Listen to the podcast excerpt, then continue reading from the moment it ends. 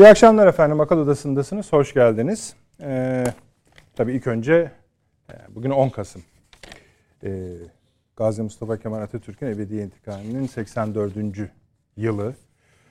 Ee, Atatürk'e, silah arkadaşlarına, aziz şehitlerimize Allah'tan rahmet diliyoruz, yad ediyoruz. Programımızı öyle açıyoruz efendim. Efendim bu akşam esasında e, bir olay olmasaydı e, Amerikan seçimlerini bağlayacaktık önce. Biliyorsunuz artık hani devam da ediyor ve sonuca yönelik bazı gecikmeler var ve bir fikir ortaya çıkması açısından tamam. Tam ama sonuçlar, istatistikler, rakamlar açısından netlik yok. Bizi ilgilendiren taraf siyasi tarafı elbette. Fakat Temsilciler Meclisi'ni yani bir Biden'ın topal ördek olması durumu vardı. Oldu. Kötü mü olacak mıydı? İşte orası biraz karışık. Bunun tabii Amerikan siyasetinde, ekonomisinde ve dünya dış politikasında yansımaları olacak. O konuyu bağlayacağız bu akşam yine de. Peki onun öncesine üstüne ne geçti? Şu geçti efendim. Ee, Ukrayna'da her son bölgesinden Rusya'nın askeri birliklerini çekmesi kararı. Şimdi bunun efendim neden önemli? Neden? Bana göre belki de konuklarımız diyecek ki taktik bir şeydir. Yaygın kanaatlerden birisi de bu. Ee, üzerinde durmamızı gerektiren şeylerden ilki bu geri çekilmede ee, biliyorsunuz Anabatan'ın parçası ilan edilmiş bölgeler bunlar.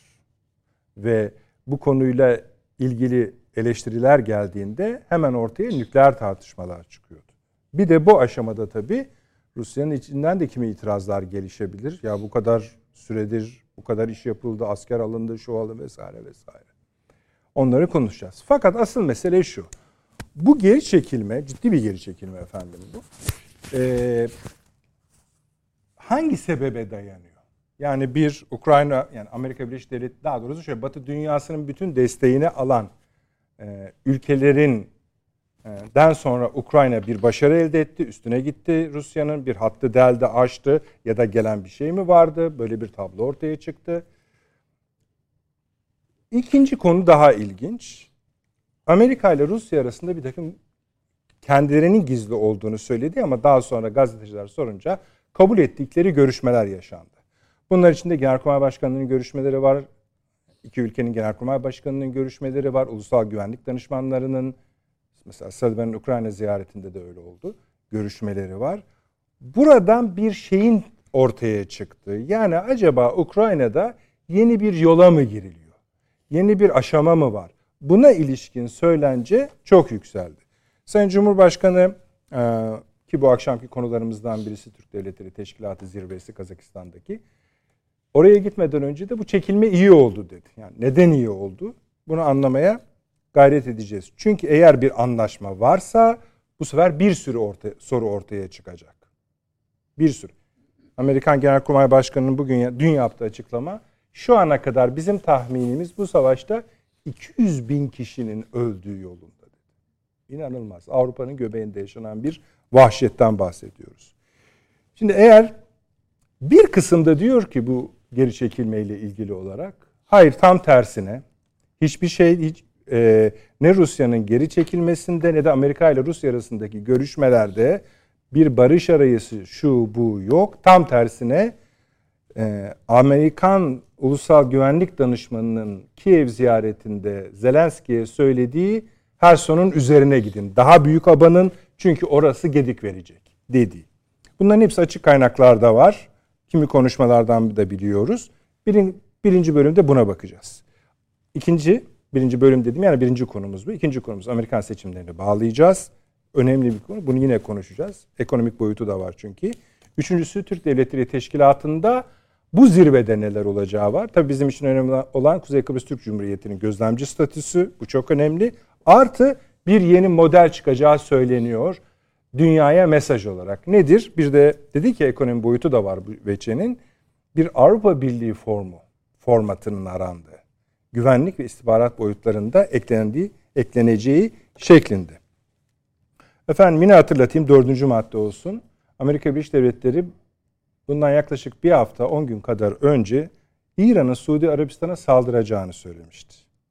Bu çok detaylı bir konu ama bugün İran e, yani kimse bunu ciddiye almadı fakat bugün İran Dışişleri Bakanı çıkıp dedi ki sabrımız zorlanıyor. Stratejik sabrımızın bir sınırı var. Bu biterse evet dedi. Bu da olabilir dedi. Ve e, birkaç ülkeyle birlikte Amerika dahil tabii. E, İran Dışişleri Bakanı Suudi Arabistan'ın ismini de zikrederek böyle bir tabloyu ortaya çıkardı. Bir G20 zirvesi var e, Türk Devletleri Teşkilatı'ndan. Hemen sonra inşallah bu konulara kadar ve devamındaki konulara kadar ilerleyebileceğiz.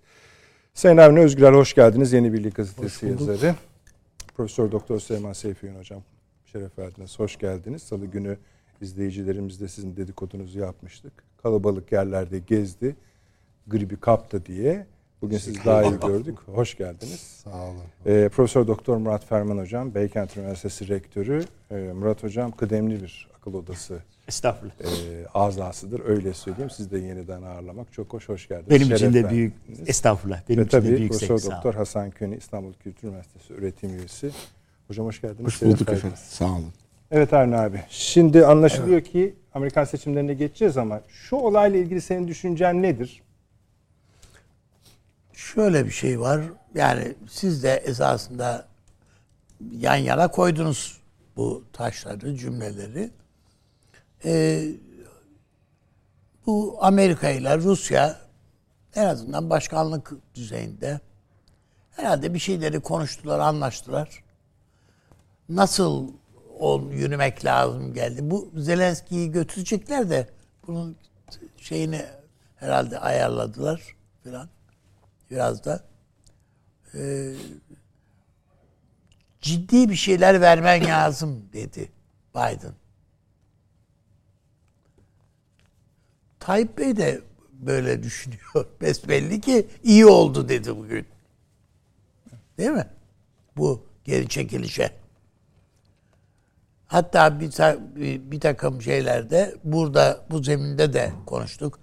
Ee, bir, bir takım söylenenler var. Kırım'ı bile gözden çıkarmış Putin diye. Filan. Yani bütün bunlar masaya Abi o, o gelebiliyor. kadarı da olur mu? Olabilir, bizim- yani bizim bilemezsin. Için çok yani bizim politikamıza çok uygun, Türkiye'nin savunduğu değerlere çok uygun. Eyvallah. Evet. Ve Rusya buna ne diyecek Putin'e bir şey demeyecek mi Hiçbir Rusya? şey demezler. Demezler. Yani genelde yani bu Öyle de e, yani hiçbir şey denmez. Ama önemli olanı Rusya rahatlamak ihtiyacında.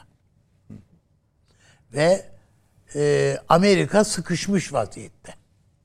Yani sadece Rusya'nın bir ihtiyacı olması yetmez. Öbür taraftan Amerika da sıkıştı. Bir de e, eğer şimdi bir şeyler verecekse tam zamanı. Yani seçimi kaybetmiş değil. Seçimi kaybetmişken Biden eğer bu, bu şeye barışa evet deseydi e, yani e, içeride çok daha sıkışık bir durumla karşı karşıya kalabilirdi. Ama şimdi öyle değil yani. Seçimi de kaybetmiş değil. Dengede bir tablo çıktı ortaya. Yani kaybetti denilecek bir tablo çıkmadı.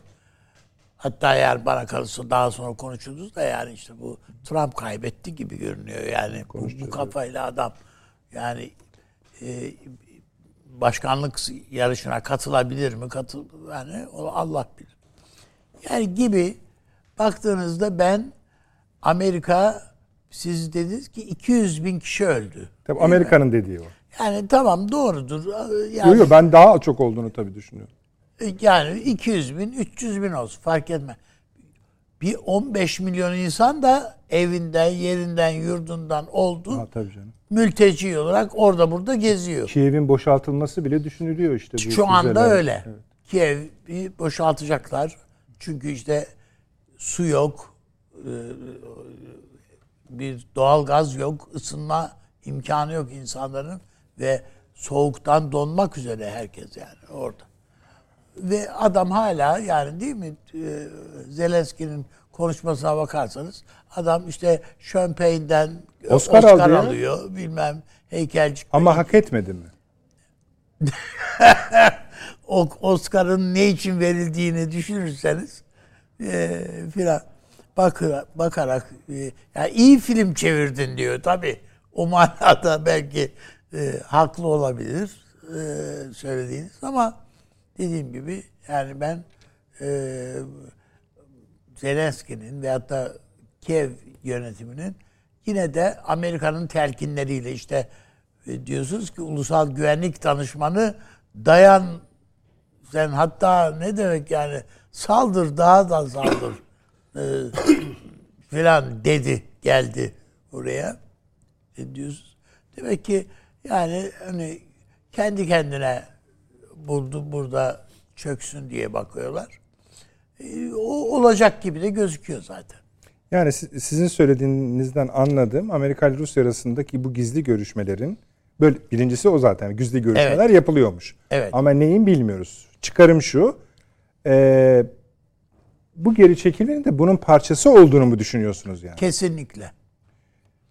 Ve e, gereğinden fazla sürdü savaş. Yani Amerika Rusya'yı sadece hırpalasa ve e, zor duruma düşürse diyeceksin ki sadece amaç buydu denilebilir. Hayır. Amerika da zor durumda. Hem ekonomik açıdan zor durumda hem savaşı bitiremiyorsun yani. Adama habire silah ver. Habire para ver Ukrayna'ya. Ve senin dışında veren de yok. En sonunda kendi askerini göndermek zorunda kalıyor şey, sahaya Amerika. Savaşa değilse bile yani Polonya sahasında askerler bulunduruyorsun falan yani. Hiç olacak işler değil yani Amerikalıların hiç haz ettikleri şeyler değil bunlar yani. O yüzden ben e, bir an evvel bu işi bağlamak ihtiyacındalar. Şimdi biraz demin e, yani teyit geçerek söylediniz. Ben bir daha altını çizesiniz diye. Yani şimdi Rusya'da kimse kardeşim sen neden geri çekiliyorsun demeyecek mi? Hayır demeyecek. Çekilelim diyorlar yani zaten Ruslar. E, ne oldu hani ana vatan? Ya yok canım ne ana vatan diye bir şey işte hem büyüttük hı hı. yani 100 birim almıştık 30'unu geri veriyoruz. Ne olacak bunlar derler. Yani 70 yetmiyor mu? Yani aldıklarının tamamını veriyor değil ki Rusya. Her halükarda galip. O bakımdan ben e, bir Rusya açısından bir şey yitirilmiş bir şey yok. Putin açısından da hem bir şeyleri kazanmış hem de e, bu bütün Batı gücünün karşısında direnmiş bir adam. Daha ne dilenebilir? Ekonomik olarak da e, Rusya'yı ayakta tutmuş. İşte petrolü ise satıyor istediği gibi. Doğal gazı ise sonuna kadar satıyor. E, bir hiçbir problemi yok.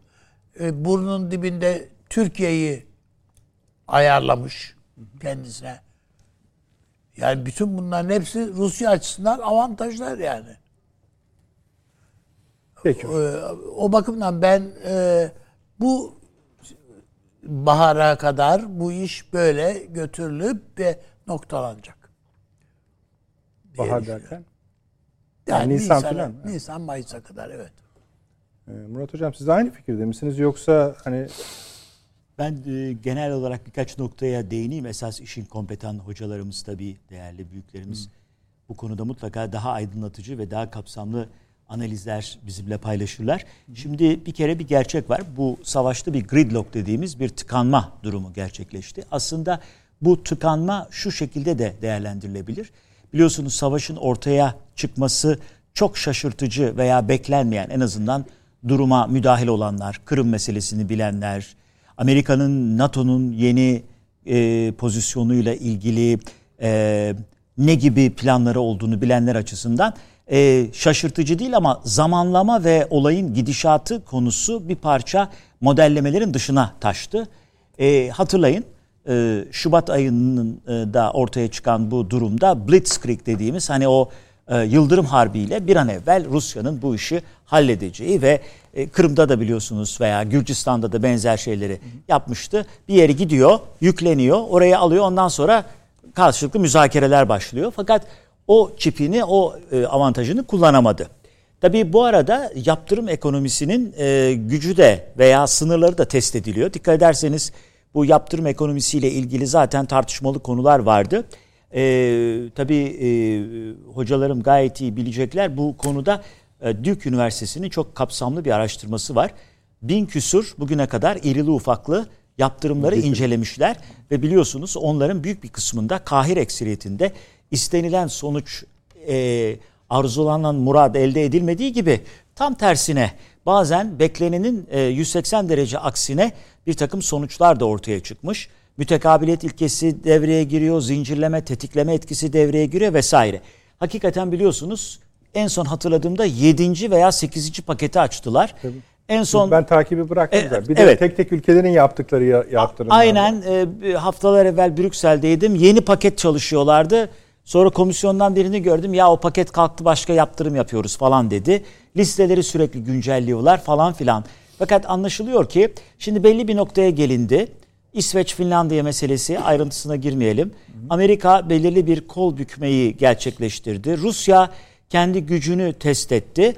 Tabii Avni abinin söylediği o ya ben mother... mesela Hollanda'nın falan e, evet, geri şey, tavrına baktığınızda evet. yani Rusya'yı cesaretlendiren tabii, tabii tabii yani ve Rusya'nın aslında bu konuda e, havlu atacağı falan söyleniliyordu ama e, kendi güçlerini de test ettiler. Tabii Putin kendi iç içerideki e, güç e, dengesini veya güç e, odaklanmasını, o kristalizasyonunu da teste tabi tuttu. Elmas çatlamadı. Yani orada sert, katı bir yönetim var. E, ama tabii bu Mother Russia meselesi Rusların biliyorsunuz hassas tarafıdır. E, herhangi birine muhalif olabilirsiniz ama hani Türkçe'de böyle e, pek e, müstehsi kullanılmasından haz etmediğim bir ifade var ama herkesin e, yakın olması bakımından söylüyorum. Hani vatan millet Sakarya edebiyatı söz konusu olduğunda e, ona karşı çıkmak e, kimden yana olursanız olun, hangi iktidarı destekleyin veya muhalif olursanız olun o kadar da kolay değildir. Şimdi e, Rusya'da da muhalifler de biliyorsunuz hiçbir zaman böyle bir söylemin e, altında kalmak istemezler. Tam tersine iktidardakiler de muhalefeti böyle bir söylemin altına gömmeye çalışırlar. E, orada da test edecekler bir kısım şeyleri, e, bence limitleri. E, yani netice itibariyle belirli bir retorik var. Bu retorik e, farklı noktalara gidebilecek ama şimdi bir parça dikkatlerini farklı yönlere çevirebilirler. Biliyorsunuz bu Sibirya gerçeği var.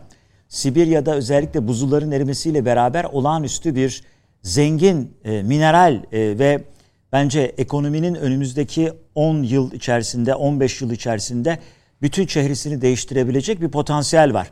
Rusya böyle kendine göre tırnak içinde ufak tefek işlerle uğraşmayıp belki gücünü oraya teksif etmeye çalışabilir. Çünkü görüyorsunuz bu e, çabuk sonuç alınmazsa sokaktan adamları toparlayıp askere göndermeye başladılar. Bu 1960'lı yıllarda Amerika'nın Vietnam meselesine biraz benziyor. Orada da biliyorsunuz kimi bulsalar gönderiyorlardı. O bakımdan bu işin sürdürülebilirliği konusunda da önemli unsurlar var.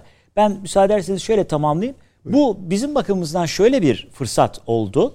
Şu anda dünyada jockeying for position denilen yani yeni dünyada jeopolitik e, e, yapılanmada herkes, bütün ülkeler kendine bir yer edinmeye, e, görece pozisyon edinmeye çalışıyorlar. Bu çerçevede Türkiye'de merkez ülke olma iddia ve kararlılığını test etme imkanını buldu.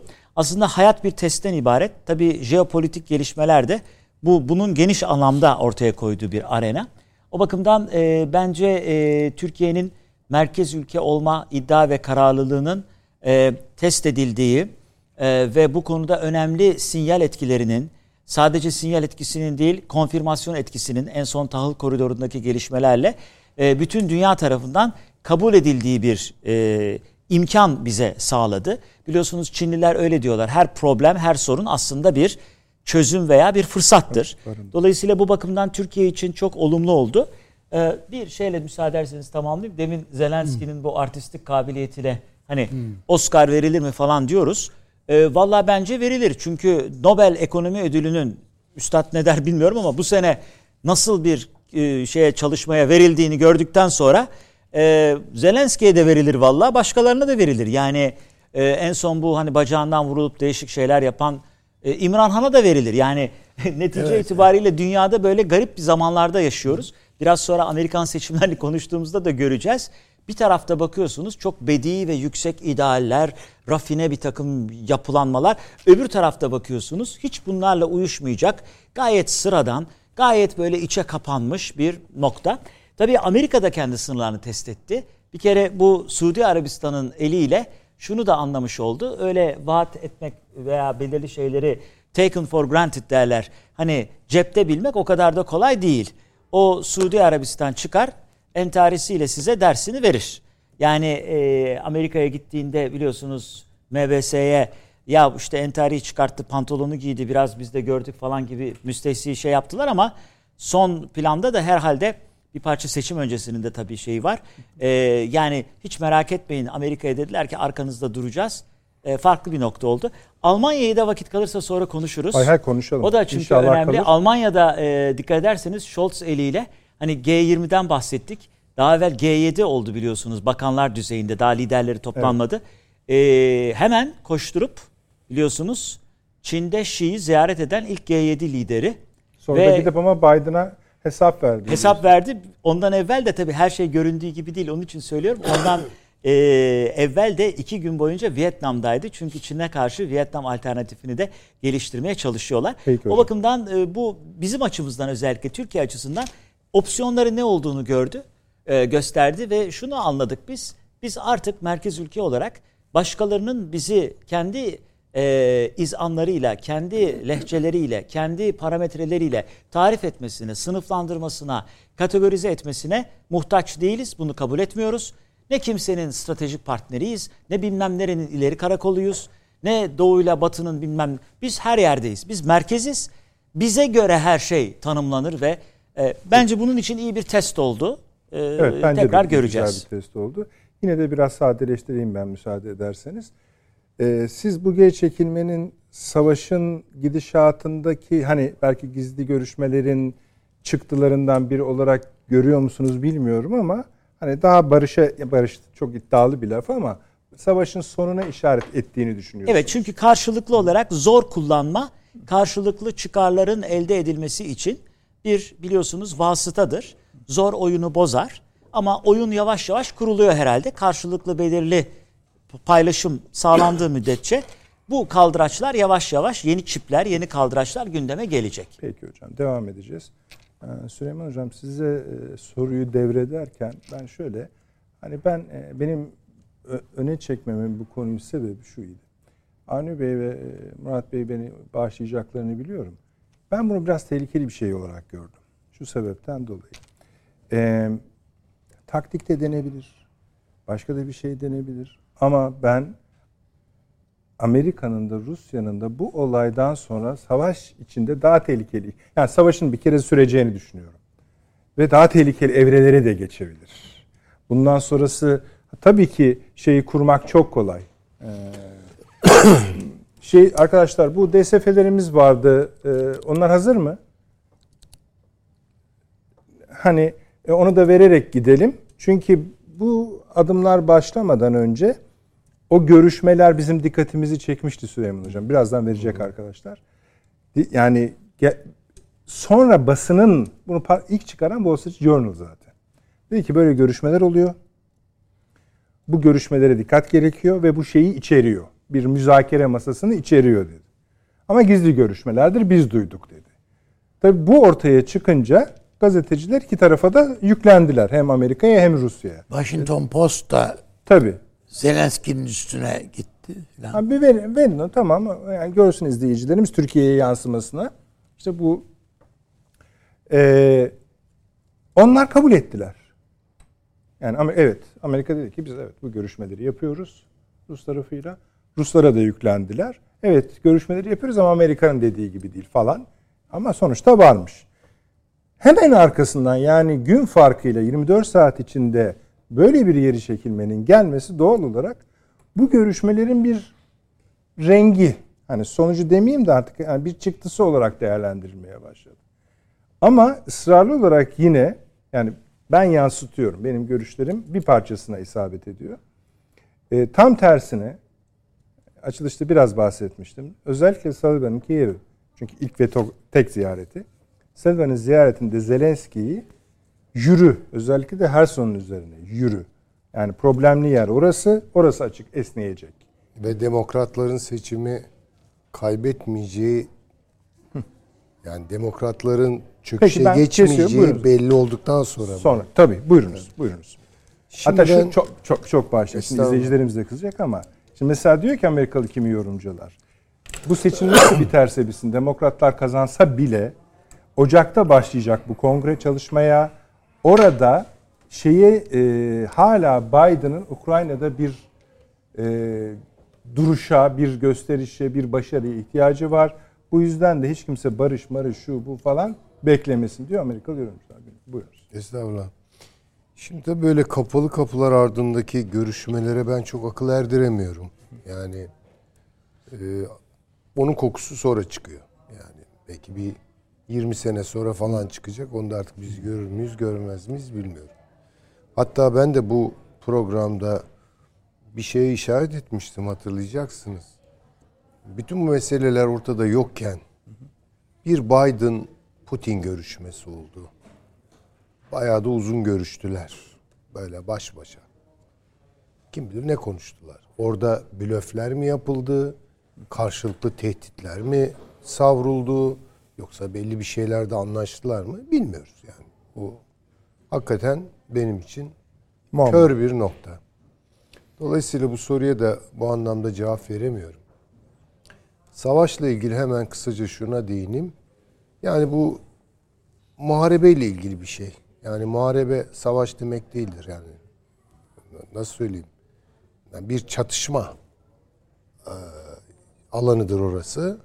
Orada birileri geri çekilebilir ama gün sona erdiğinde bir bakarsınız ki çekilen taraf kazanmış falan. Böyle şeyler oluyor. Biliyorsunuz biz de Kurtuluş Savaşı'nda geri çekildik tabii, değil mi? Tabii. Sakarya. Ondan sonra ne oldu ama yani. Onun için böyle acele bir takım yargılaşı Rusya yenildi, teslim oluyor filan. Ben bunlara çok iltifat etmiyorum. Yani şaşırtmıyor ama sıra dışı bir şey olduğu çok açık. Çünkü Sonuçta yani, en çünkü savaşın bakın, içinde olur. Yani dahil, işte dahil şey bizden neredeyse Polatlı önlerine kadar. Eyvallah. Ama bu bakıyorsunuz sonrası işte nerede tabii, Afyon'da tabii, tabii. Kocatepe'de çıktı değil mi yani? Yani askeri meselelere zaten aklım çok ermiyor. Onun kompetanlarla konuşmak lazım. Şimdi efendim ben de size katılıyorum. Ee, bir barışın eşiğinde falan olduğumuz yok e, açıkça Zelenski'ye söylenen şuydu. Yani hele bir bekle. Bakalım biz içeride bir seçim yapacağız. Kim kazanacak? Yani Amerika'nın geleceği kimin eline geçiyor filan. Eğer orada cumhuriyetçiler böyle çok baskın, çok parlak bir zafer e, kazanmış olsaydı e, sadece Tabi temsilciler meclisinde değil de yani senatoda. Senatoda mesela. O zaman herhalde belki tablo biraz farklı olabilirdi. Ama bunlar hala Amerika'daki iddialarını devam ettiriyorlar. Yani bu savaşa yol açan demokrat kafa, akıl neyse. O kafayı çok akılla artık açıklayamıyorum ama bir kafa olduğu ortada belli e, şimdi bence iyice gaz verecekler. Yani e, Rusya'ya karşı saldırtacaklar. Bence Rusya herhalde burada askeri sebeplerden ötürü bir elverişli pozisyon kendi açısından oluşturmaya çalıştı. Yani nehrin geri tarafına çekildi. Şimdi nehir tabii bir engeldir, bariyerdir yani. Yani o avantajı kullanmak istiyor. Her neyse. Ama bu savaş esas söylemek istediklerime geliyorum burada. Bu savaş bir Rusya-Ukrayna savaşı, bu savaş bir Batı-Doğu savaşı, bu savaş bir NATO-Rusya savaşı, Amerika-Rusya, İngiltere-Rusya savaşı falan değil. Bunlar sahnedeki görüntüler. Perdeye yansıyan kısmı. Tabii ki yazık oldu Ukrayna'ya. Ona ayrıca da üzülüyorum. Bu esas olarak Avrupa, daha somut konuşayım, Almanya-Amerika savaşıdır. Hatta belki başka bir açıdan baktığımızda İngiltere-Almanya savaşıdır. Yani Atlantik batısıyla kıta Avrupası savaşıdır. Çünkü bu savaşın mantıksal bir sonucu mudur Kuzey akımının sabotaja uğraması? Ne alakası Hani var? onu doğru e, yani ne alakası var yani? Evet. Zaten bir savaşın bütününe ilişkin, özüne ilişkin fikri ortaya çıkar. İkinci Dünya Savaşı'nda kurulan dünya, hocalarımız çok daha iyi bilirler. Sözüm ona görünüşte bir kıta Avrupası, Atlantik e, yakınlaşmasıydı. E, fakat aslında onun içinde derin bir çatlak vardı. De Gaulle falan boşuna çıkmadı. Avrupa Birliği boşuna kurulmadı. Amerika Birleşik Devletleri kendi kaynaklarını aktararak ayağa kaldırdığı Almanya'yı kontrol edemiyor. Bu çok açık. Amerika'daki üretim kayıplarıyla Almanya'daki üretim yükseliş grafiklerini hocam çok daha iyi bilir. Mukayese ettiğimiz zaman bunları görüyoruz. Yani Amerika Almanya'nın 3 katı büyük bir nüfusa sahip. Değil mi? İşte 21 trilyon dolarlık üretim yapıyor filan diyorsunuz. Bunun ne kadarı reel onu bilemiyorsunuz. Yani dolar avantajını düştükten sonra onun yarısı kadardır en fazla. En fazla o kadardır. Almanya ise çok daha somut. Endüstriyel alanda, makinada, kimyada, otomotivde 6 trilyon dolar galiba değil Evet. mi hocam? 7'ye geldiği Yakın. söyleniyordu. Evet. İnanılmaz bir şey yani. Ve bu büyüyor devamlı. Ve bu Rus gazıyla, Evet. Rus enerjisiyle destekleniyor. Ve bu Çin'e açılım yapmak istiyor. Şimdi Amerika burada Ukrayna'nın derdinde mi yani? Rusya'nın derdinde mi? Hayır. Basbayağı bu ABD'nin Avrupa Birliği'ne başta Almanya olmak üzere çökme meselesidir. Askerlerini gönderdi. Sert gücünü koydu. NATO'nun dişlilerini sıkıştırdı. Hizaya getirdi. Ucu bir şekilde. Yani Avrupa şu an cender altında. Yani şimdi bunu şöyle görüyoruz. Rusya ile Amerika arasına sıkıştı. Efendim öyle değil. Basbayağı Amerikan çizmelerinin altında şu an tepiniyor Amerika bunların üzerinde. Ve benim gördüğüm kadarıyla bunların niyeti Amerika'nın niyeti Alman endüstri e, şirketlerine yani karlı, verimli çalışan şirketlere el koymak. Onun için onları zor duruma sokmak istiyor. Ondan sonra gidip çökecek. Yani açık. Ha şimdi Almanya buna niye direnemiyor? Direnmeyi çok istiyor. Eminim yani. Ama Amerika bu yani. Amerika'nın evet pazusu var yani. Yumrukları var. Neyse. E, Almanya'nın bu anlamda ne pazu yapabildi ne yumruk sıkabiliyor. Çaresizce Çin'e gitme ve şeyi e, Olaf Scholz'un bir çırpınış yani. Ama Olaf Scholz şeye giderken Çin'e giderken de bakıyorsunuz o günlerde Alman e, şeylerinde çıkan basında çıkan yazılarda çok kutuplu dünya vurgusu yapılıyor. Tabii tabii açık söylüyor. Açık söylüyor. Yani diyor ki ya yeter. Yani, Ben size tam okuyayım onu. Çok ilginçtir. evet. Yani Avrupa şimdi, Birliği'nin genişlemesinden de bahsediyor. Hah, bundan Değil mi? bahsediyor. Enteresan ilk defa. Yani Avrupa Birliği'ni bakın bugün Oy Balkanlarda çokluğu diyor. Oy çokluğuyla Evet. karar alma diyor. Doğru haklısınız hocam. Balkanlar karıştırılmak isteniyor. Bakın bunlar hep Avrupa'ya yapılan, Avrupa'nın başına örülen çoraplar. Ama tabii şimdi sahnede Rusya, Ukrayna, her son bilmem alındı mı verildi mi falan. E Rusya'ya da tabii bu fatura geliyor. Yani Ama Rusya'yı Amerika'nın mesele etmesinin hiçbir akli sebebi yok. Rusya'nın günahı ne? Rusya'nın derin günahı Amerika'nın gözünde Avrupa'yı enerji açısından uçurması. Şimdi bunu halledebilirlerse sonra tabii ki Hindistan, Rusya enerji hattına gelecek sıra. Sonra tabii ki Rusya, Çin enerji hattına gelecek sıra. Şimdi Çin de bunu görüyor. Çin de bunu gördüğü için çıktı Xi Jinping dedi ki savaşa hazırız. Bu son dönemlerin en önemli açıklaması. Üniformayı çekti. Çok önemli. Savaşa hazır oldu. Ne demek ya bu? Çünkü aynı zamanda biliyorsunuz resmen başkomutan. Tabii ki. Ee, Yani ulusun güveni, güvenliği ve istikrar, ulusal güvenlik ve istikrarı tehlikededir. Ee, Çin'in sadece savaşa yoğunlan, yoğunlaşın Tabii tabii. mealinde. e, ben müsaade ederseniz bir arada bir şey yapabilirim. buyurun, buyurun, Çünkü e, Sayın Hocam aslında demin konuştuğumuz meselelerle ilgili önemli birkaç noktaya dikkat çekti. Bir kere Amerika Çin'in önünü kesmek için dikkat ederseniz hep Asya Pasifik deniliyordu.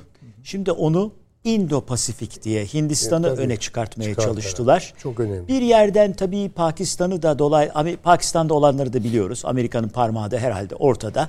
Bir taraftan da tabii bu tek yol tek kuşak projesinde e, Çin'e yakın duran Pakistan'ın da böylece dolaylı olarak da bir kere daha e, sopa göstermek veya Uyarılıyor. sopalamak tabiri caizse e, yoksa Pakistan bizim canımız, Pakistan zindabat hiçbir şeyimiz yok. E, o konuda o, o kavramı kullanmak istemem ama hırpalamak için diyelim e, bunu kullandı. Şimdi e, Merkel 12 defa gitti Çin'e. Birkaç mü- müsaade ederseniz rakam vermek istiyorum. Bakın dünyada e, Çin'le ticaret yapıp da e, müsavi yani ihracatla ithalatın e, yakın olduğu veya dış ticaret dengesinin korunduğu ülke göstermek Yok hocam. yok gibi bir tek Almanya var. Avni abi. Öyle. Yü- 250 milyar e, yuvarlayalım. 250 milyarsa bunun 120 milyar doları 120 küsür milyar doları Almanya'nın ihracatı. Şimdi bizde ise yani yarı yarıya. Yani bir dolarlık ihracat yapıyor. bir dolar o 5 centlik ithalat yapıyor. Bizde ne biliyor musunuz? Bir dolarlık ihracat 9 dolarlık ithalat. Amerika'da ne? Konuşmak bile istemiyoruz. korkunç. Yani korkunç. Ama hocamın çok güzel bir sözü var. Dolar gücü, doları çünkü rezerv para. Şimdi Amerika'da ben bakıyorum bazı Desantis diye bir adam konuşacağız. Ya bizden Desantis'ten bize ne diyemiyoruz. Çünkü hakim düzende bu rezerv para üzerinden adamların e, iki yıllık kağıt e, şeyi e, piyasa bedeli bizim e, anneannemizin e, den kalan ziynet altının değerini belirliyor. Yani bu kadar açık ve net maalesef böyle. Şimdi Almanya e, en büyük sanayi kuruluşlarına baktığınızda mesela otomotiv devlerinden bir tanesi isim vermeyelim. Meşhur üç büyükler var ya onlardan biri. Geçen seneki satışlarının yarısını Çin pazarına yaptı. Çin'den vazgeçemiyorlar. E, direkt Çin'le ticaretinden 1 milyon 100 bin kişi istihdam ediliyor. İstihdam yaratma kapasitesi. Dolaylı en son Alman Federal İstatistik Enstitüsü'nün şeyi var. 2,5-3 milyon kişi dolaylı sırf Çin-Almanya şeyinde. Şimdi Amerika şeyinde Ha, konuşalım. onu abi. söyleyeceğim. Yani e, KOBİ'ler ağırlıklıdır biliyorsunuz. %50'si Çin'den ham madde, yarı malzeme, ara mamul alıyor. Şimdi dolayısıyla Çin iki arada bir derede. Çin gibi bir ülkeye bir günlük resmi ziyaret yapıyor. Allah Allah. Bir gün resmi ziyaret yapıyor. Bu Azerbaycan değil ki gidip bir ayran içip denesin değil mi? Yani şey değil. Dolayısıyla Amerika'da hakikaten- daha geniş konuşalım Ama, ama şunu da söyleyeyim. Buyurun. Ben müsaade ederseniz bir e, şöyle bir şerh düşmek haddimiz değil ama bir not şey yapmak istiyorum. Ee, hocam çok güzel anlattı Avrupa'nın dramını, Almanya'nın sıkıntısını ama Almanlar çok hafife alınmamalı. Drag nach Ost politikası gibi bir doğuya doğru açılma politikasını sürdüren ve bu konuda deneyimi olan bir ülke bence o mirası yeniden canlandırmaya çalışır. Ee, kolay lokma da değildir. Ee, ama e, şu anda bir irtifa kaybı olduğu da kesin. Çok teşekkür ediyorum. Hocam şöyle Kusura kalmıştı. bakmayın Sayın Hocam. Yok, Bir estağfurullah, çok e, çünkü oldu. çok e, güzel bir noktaya e, gelindi o bakımdan. Tam size kaldığınız yeri hatırlatarak ve onu destekleyecek iki tane alıntı yaparak size devredeyim tekrar. İki Çin ziyaretinden önce Scholz e, birisi Amerika, birisi Almanya'da iki tane makale, yani aynı makaleyi yayınlattı. Özü şuydu. çok kutuplu bir dünyada yeni güç merkezleri ortaya çıkıyor ve hepsiyle ortaklıklar kurmayı ve ortaklıkları genişletmeyi hedefliyoruz. Zaten çok kutuplu bir dünya dediği andan Lafını itibaren. ettiğiniz an Bu ikincisi de şu alıntıda. e, bu dönemde Sayın Cumhurbaşkanı Olaf Scholz'la bir görüşme gerçekleştirdi. O da şöyle dedi. Olaf Scholz bile bir ay önce çok farklı bir noktadaydı ama şimdi daha farklı bir noktada. Şeyi söylüyor, Ukrayna konusunu söylüyor. Zaten nedir o fark dediğiniz yerde de bu konuşmalara devam edeceğiz. Yani Olaf Scholz zaten başından beri böyle nasıl söyleyeyim yani son derece silik ne yaptığını bilemez durumda falan bir adam. Yani Hocam hiç Alman, koskoca Almanya öyle bir yumruk yedi ki adam ama ne yani- yaptığını bile. yumruğu sadece normal. Amerika'dan yemediler. Bir de ortaklarından yiyip durdu. Ya, Yeşillerden yedi. Tabii. Şuradan burada. Kendi Ben partisi boz- içinde. Bozacaklarmış gibi fırsatını arıyormuş şimdi gibi geliyor bana. Şöyle düşünüyorum. Bu Çin ziyareti ya Olaf Scholz'un siyaseten ya sonunu Olaf getirir götürecek diyorsunuz ya aşağıya götürecek. veya tersi bir gelişme olabilir. Ama Almanya'nın zaafı şu. Ben de tabii Sayın Hocam'ın söylediğine iştirak ediyorum. Ki asla küçümsenmeyecek bir güçtür. Bakın Japonya'yı durdurdu Amerika. Japonya'yı ezdi. Burun üstü düşürdü. Toparlayamadı. Şunu görelim. Yani kabul edelim. Dünyada iki tane çok çalışkan millet var. Yani ölümüne çalışan millet var. Bunlardan biri Japonlar, biri Amerika, şey Almanlar. Ee, bunların o etkisi olmadan ekonomileri ayağa kaldıramıyorsunuz dünyada. Çünkü İngiltere sönümleniyor. Ta 1870'ten itibaren aşama aşama. İşte Fransa bir dönem falan ama olmuyor yani. Orada tam kapitalizm dört başı mamur olmuyor. Amerika Birleşik Devletleri 1950-70 arası iyi üretim açısından ama Amerika'yı ne mahvetti? Tüketim hırsı mahvetti. Çünkü tüketen bir toplumu üretken kılamazsınız. Kuyruğunu yemek gibi bir şeydir. Ama Alman tüketmez biliyor musunuz? Yani Alman için ev almak falan böyle akıllı ev... Hayır Alman işlevsel bakar. Böyle adeta göçebe gibi yaşar. Bir evden bir eve. Son derece tutumludur. Ha? Harcaması çok fazla yoktur filan. Aklı fikri üretmektedir. İşte bu bu acayip bir şey. Japonlarda da aynı şey. Bak Japonları hocamın dediği gibi 70-80 arasında bir şey ama sonra Güney Kore'ye yedirttiler yani filan. Şimdi o bir durdu. O kıpırdayamıyor. Onun durumu çok kötü. Japonya'nın durumu gerçekten çünkü üretim durdu orada. Yüzde bir büyüse Japon ekonomisi çökecek. Hatta belki daha küçük bir oranda büyüse bile çökecek durumda. Ee, ama Almanya öyle değil. Evet Almanya farklı. Ve bence bütün mesele o. Şimdi Hocam Almanya'nın o AB cinayetinin de suikastını Tabii, da tabii, tabii. şimdi Japonlar çok farklı değerlendiriyorlar. ama şimdi Hocam, şöyle Bunun Japonya'yı arkasında şu mu var, bu mu var hepsini başladılar şimdi. Ben İkinci Dünya Savaşı'nın iki yenik ülkesi, devleti daha doğrusu Japonya ve Almanya'nın İkinci Dünya Savaşı'ndan sonra nasıl ayağa kaldırıldığı, birinin nasıl sönümlendirildiği, ötekinin nasıl kontrol dışına çıktığı. Almanya öyle bir şey. Şimdi bunu, bunu durdurmak zor ama Almanya'nın zaafı şu. Almanya'nın ordusu yok. Almanya'nın askeri gücü yok. Ve Alman devletine hakikaten CIA, Amerika bütün ağırlığıyla çökmüş vaziyette. Şimdi ne gelir Almanya'da bu e, bu bence biraz hani şey gibi e, nasıl söyleyeyim e, Don Quixote'un gel değirmenlerine böyle bir ne kahramanca bir atağı falan vardır. Yani bunda böyle Çin'e doğru falan bir atak ama arkası boş. Yani bakalım ne olacak. Ben de merakla bekliyorum. Almanya eğer ayağa kalkıp Amerika'ya karşı bir direnç oluşturursa zaten o zaman başka bir şey konuşacağız. Bu da olacak mı olmayacak mı bilmiyorum. Japonya ise silahlandırıyor. Utanmazca yani. Japonya'da yeniden militarizmi ayağa kaldı. Çünkü onu Anayasasını Çin'e değiştirdi, saldırdı. kanunlarını değiştirdi. Onu Çin'de mesele. Şeyi Ve arada düşünüyorsunuz herhalde değil mi? A- Amerikan sanayinin arka altında da Alman tek şeyi Abi var. efendim yani- birikimi var. Elbette. Yani, Yani, Alman oradaki bütün hatta şöyle kuranlar. söyleyeyim. Amerikan sosyal bilimlerinin en etkili kafalarının altını kazıyan Almanya çıkıyor arkasından. Alman geleneği çıkıyor. Alman üniversiteleri çıkıyor yani. Garip bir şey bu. Ee, yani o manada Almanya'nın da bir Amerika'da derinliği var ama şimdi işte sonuçta iş kara kucak kısmına filan geldiğinde yani orada işte Amerika çünkü Amerika'nın şu an elinde sadece sert gücü var. Bir elinde doları var, bir elinde silahı var. Başka bir şey yok. Üretim üretim yok.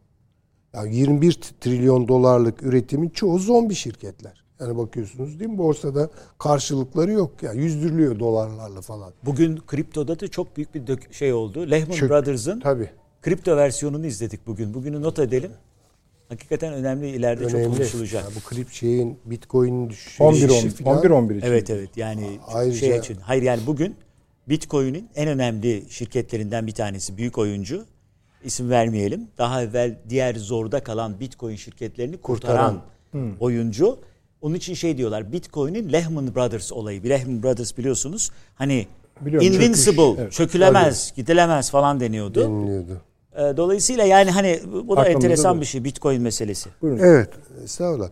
Yani şimdi demek istediğim bu savaşın sürüp sürmeyeceği. Yani şimdi bakın ne kadar dışına çıktık bir anda değil mi? Çıkmadık yani, hocam, çıkmadık. Ama aslında Bu- bu- aynı bu- mesele bu mesele bu. Hayır birinci cümleyi bu kimin savaşı, kimlerin savaşı dediğinizden Evet, sonra evet, tabii. onun artık bir çerçevesi yok ki. Şimdi burada mesela bu Ukrayna-Rusya savaşının bence devam ettirileceği yolunda izlenim alıyorum ben. Hatta şiddetlenerek devam ettirileceği. Dahası var. Şimdi bunlar ayrı başlıklar olarak siz koydunuz. Onun için ayrıntılarına girmek istemiyorum ama hepsi aynı bağlamda. Kafkasya buna eklemlendirilecek. Gürcistan eklemlendirilecek. Ermenistan, Azerbaycan meselesi eklemlendirilecek. İran eklemlendirilmeye başladı. Başladı. Çok ilginç. İran Bu. İran e, Pakistan gerilim hattını zorluyor. İran Suudi Arabistan gerilim hattı yeniden alevlendirilmek yani şunu gösteriyor bütün bunlar. Adamlar deniyordu işte Suudi Arabistan'la İran. Hani hani acaba bir şey hani bu gerilimi atlatabilir miyiz diye Şimdi- Ruslar araya girdi biz yardımcı olalım dediler. İşte orada şöyle bir şey var. Yani ondan pek ihtimal vermiyorum ben ama o bir şöyle kaynatılıyor. Esas İran'ın gözü şu an kuzeyde. Yani şeyde değil, Körfez'de değil. Şu an Kafkasya'da, Ermenistan'da, Azerbaycan'da. Azerbaycan'ın son girişimlerine bakalım. İran menşeili bir takım silahlı örgütleri dağıtmak operasyonuna başladılar. Ne demek bu yani? İran orada e, tatbikat yapıyor. Körfez'de yapmıyor. Doğru. Bence orada biraz e, şey yanıltma meselesi var. Biraz Suudi Arabistan'a gözdağı veriyor Amerika filan. Bak İran O öyle, geliyor. tabii. Doğru. Bunun gibi şeyler. Ama bütün bunlardaki Hesabını kilit, soracağız dedi hocam Biden. bunlardaki kilit taşı ne biliyor musunuz? Hepsindeki kilit taşı Hindistan. Bunu net olarak söyleyebilirim. Hocam da işaret etti. Yani Hindistan Evet. bir kilit taşı gibi duruyor. Onu bir çekebilirse Amerika, Rusya'dan bir koparabilirse Allah o zaman yani yani e, keten helvası için başka şeyler düşünmek. Tersi olursa E, tersi olursa bu süreç devam edecek işte. Eğer bu devam ederse Amerika istediğini yapamayacak demek ki. Hasan İngiltere Hocam ikiliyi kurdu istediğini hemen. yapamayacak. İkiliyi kurdu. konuşacak. İngiltere'de Rishi, Amerika'da Kamala. İkisi de Hint kökenli hocam. E tabi tabi işte onu yani ufak ufak yazmaya başladığı zaman hocam. E, olmuyor, şey olur, Tabii olur. da onu söylediğimizi hatırlıyorum ben Tabii, değil tabii. mi? Yani bu yani Çin'i bypass çünkü Çin ekonomisi de durgunluğa gidiyor. Dolayısıyla hangisi vaatkar? Çünkü Çin ekonomisinde hala sanayi ekonomisinin emek yoğunluğu sektörlerin ağırlığı, kamburları var. Bravo. Ama Hindistan'da bir yok. Yok. Hindistan tamamen matematik ve teknik üzerine, teknoloji üzerine yaptığı yatırımlarını işte bakın bu çok cazip kılıyor Hindistan'ı. Şimdilik teşekkür edeyim. Hasan Hocam buyurun. Ya anlaşa yani tam mutabakat sağlayamadık masada. Aynı konu. Geri çekilme konusu. Yani Geri- savaş bir kısım işte daha da alevlenecek diyor. Bir kısım artık şey çözülmeye başladı diyor Rusya. Efendim bunlar arasında bir takım e, Gizli görüşmeler. görüşmeler olduğu meçhul ama her zaman bu tür savaşlarda arka kapı görüşmeleri olur. Yani Birinci Dünya Savaşı, İkinci Dünya Savaşı'nda devamlı arka kapı görüşmeleri var. Bu da onlardan biri. Yalnız şöyle bir durum var. Ee, Amerika içindeki güvenlik stratejistleri arasında bir ikilem var. Bir kısmı diyorlar ki buraya kadarki yaptıklarımız yeterli. Asıl hedef olan Çin'e dönelim. Bir kısmı da hayır bu olaya devam edelim. Bu ikilem geliyor. Hatta seçimi e, kırmızılar yani cumhuriyetçiler kazansa bile bunların içinde de bir ikilem yüzünden bir ayrım olacağını söylüyorlardı. Daha çok e, neokonlar e, Putin'e daha yakın durup bu işi bitirelim. Asıl önemli olan ekonomik boyutlardır. Burada bir yakınlaşma boyutu olsun. E, Biden'ın konuşmaları hiçbir barış görüşmesi için açıklık getirmiyor. Bunu da daha önceki Clinton'ın politikalarından söylüyorlardı. Orada diyor ki mesela bütün yaklaşımlarda hatta Kennedy'de bile biz tamamen işte karşı tarafı yok edeceğiz. Orayı e, sistemini değiştireceğiz tarzında değil. Biz onun karşılığında şunu yapacağız. Bundan sonra işte Küba ise Küba'yı işgal etmeyeceğiz. Yahut Rusya üzerine daha ileri gitmeyeceğiz. Şurada da şunları vereceğiz. Bunun karşılığında bu olmamalıdır deyip hem Khrushchev'in hem de daha sonraki dönemde Brezhnev'in Brejnev'in davranışlarını değiştiren çıkış yolları gösterdi. Bu hiç göstermiyor. Biz de bunu seçimlerde belli bir oyu toparlayabilmek için bu Avrupa'yı yanına çekme politikasının Trump'ın yapamadığını biz yaptık olduğunu kendi içindeki yoğun kamuoyuna çünkü Avrupa, Amerika'dakiler Avrupalı. Ona göstermek için bu kadar zorladığını düşünüyoruz. Tabii ekonomiyi işte zorladı arkadaşlar söyledi, sistemlerini zorladı. Yükseliyor enflasyon falan filan. Fakat birdenbire analizlerde iki defa şunu gördüm. Özellikle stratejik analizler diyor ki şimdi diyor demin hocamız söylediği gibi Hint boyutunda Okyanusya boyutunda Asya yükleniyoruz Hint Asya kıtasına. Fakat diyor bu yaptığımız yardımlar nedeniyle bu bölgede bir savaş çıktığında elimizde yeterli materyal yok diyor. Şu topları verdik, bunu verdik. Bunları üretmek için diyor 2024-2025'lere kadar tekrar yatırım yapıp fabrikaları çalıştırmak gerekiyor. Bu bizi diyor stratejik açıdan Çin'in karşısında zayıf durumda bırakacak. Esasında şu. Zaman Çin'e çalışıyor diyorlar. Evet, evet bunu belirtiyorlar ve iki defa bu tür yazılar, iki defa hem de böyle uzun uzun deniz kuvvetlerinde ne kadar gerileme durumu olmuş, işte uzay ve roket sistemlerinde ne kadar durumda olacak, e, savaşın sadece buradaki Stoklar değil, bitti diyorlar Tabii, hocam. stoklar bitti, Silah bravo. silah stoklar bitti. şeye diyor. uzay sistemlerine çıkacağı böyle kitleme şeyleri göstermişler. Komuta kontrol sistemlerine rap Çinliler yapışıyor. Bu boyutlarda daha uzun müddet devam edemeyiz. Bu tür konuşmalar olurken birdenbire Zelenski'den bir barışa gidebiliriz lafı. Ama öyle bir şey söylüyor ki savaşı kazanmış gibi. Ne gibi? Diyor ki e, tamirat parası. Yani savaşı Aslında kaybeden Hocam ülkelerin şunu söylüyorsunuz.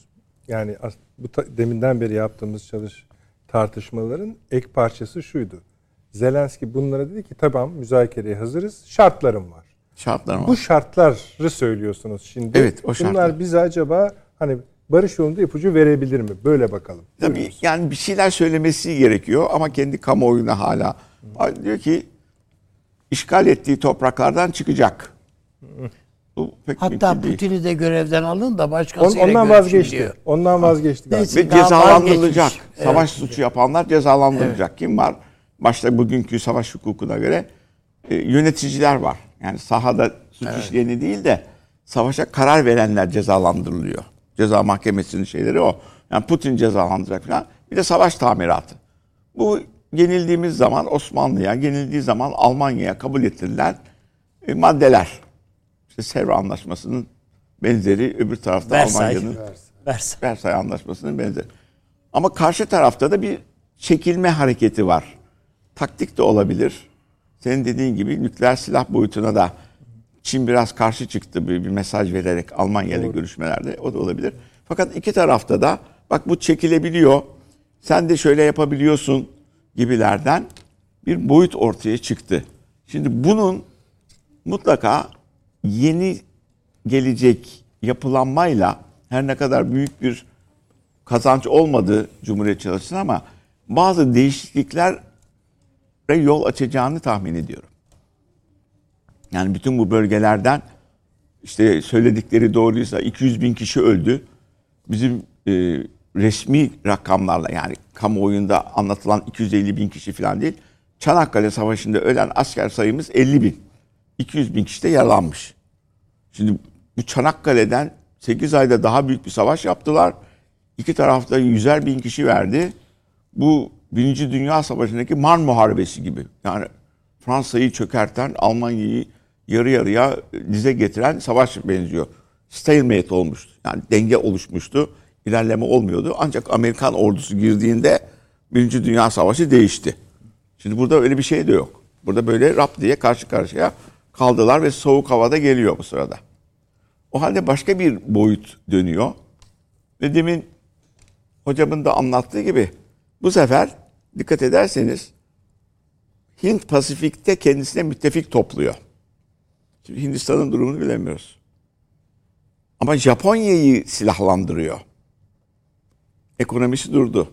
Buradaki bir Japon e, eski e, profesörü iyice Türkçe biliyor. Diyor ki bu Çin gelişmeden evvel Asya Pasifik'teki diyor ekonominin yüzde yirmisi Japonya'nın elindeydi. Ve bu kadar üretim falan. Biz gelince bunlar diyor gelişince biz diyor yüzde beşe düştük. Şimdi yüzde beşe düşmüş bir ülke kendisi ekonomik açıdan sıkışıyor. Parasının değeri düşüyor. Bu sırada askeri harcamaya yatırım yapıyor. Bu felaket.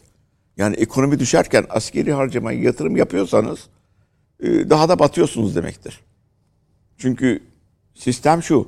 insanı yaşat ki siyasal sistem yaşasın. İnsan çok kötüyken çok müthiş siyasal sistemler yok.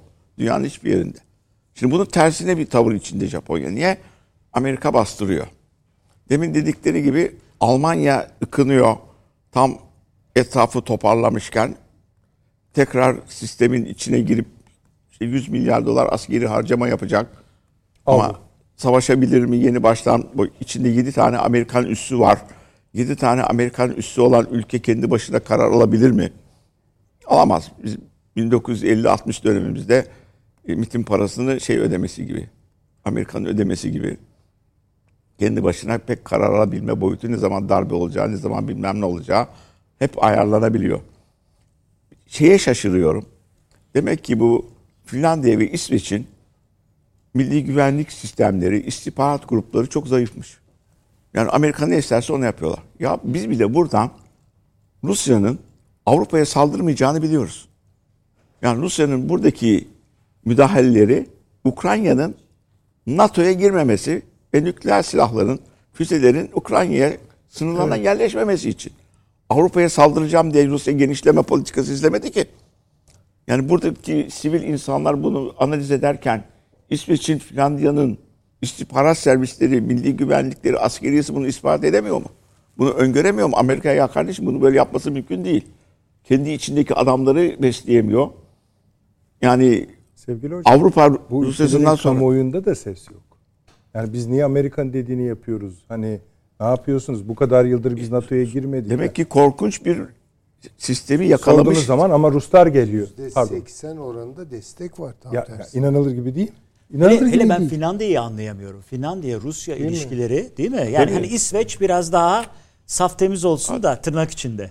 Yani Finlandiya inanılmaz bir şey. Kekkonen'i falan hatırlarsınız. Tabii, tabii. Adamlar Kekkonen. hafif orada hafif burada seneler boyu müthiş Tabii, bir denge dostluğu. Tabii Fin-Rus dostluğu Ekonomilerini vesaire. kaldıracaklar bilmem ne diyecekler. Bir Rusya'nın öyle gelmeyeceğini biliyor. Demek Evet, ki zambaklar ülkesi. Ya evet, Yani. kamuoyunu etkileyebilecek bilmediğimiz boyutlara ulaşmış bir yapısı var Amerika'nın. O tür istihbaratı Doğru. biz bilmiyoruz. Eyvallah. Bu, tabii bu doğru. O, o tür istihbaratı biz bilmiyoruz.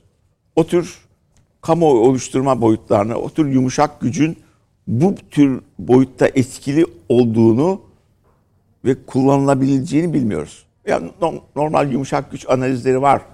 Her yerde gazetelerde işte yumuşak Türkiye'nin Afrika'daki yumuşak gücü falan. Bu yumuşak gücün bilmediğimiz büyük boyutları. O yüzden de analizlerde bunlar nasıl buna kanar?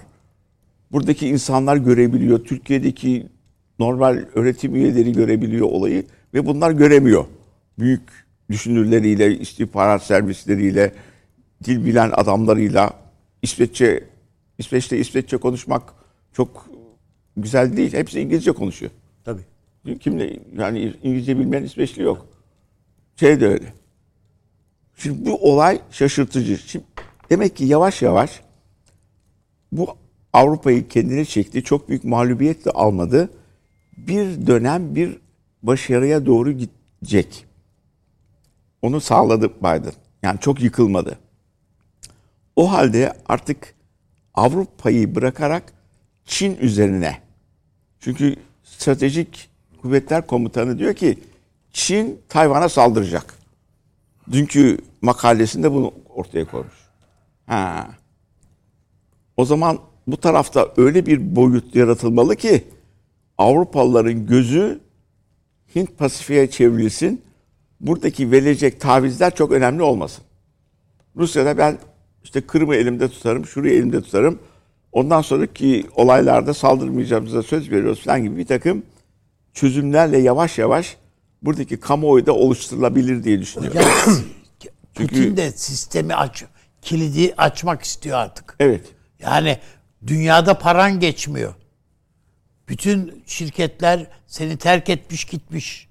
Amerikan şirketleri Tabii. falan. Mesela Yani bir- herkes artık bilmem ne tost şeyi markası yemeye alıştı Rusya'da. E yok bunların hepsi. Tabii BRICS'te, BRICS'te, BRICS'in hocamın konusu BRICS kendi parasıyla işbirliği yapıyor. Yani doları yiyorlar. Hindistan da BRICS'in içinde.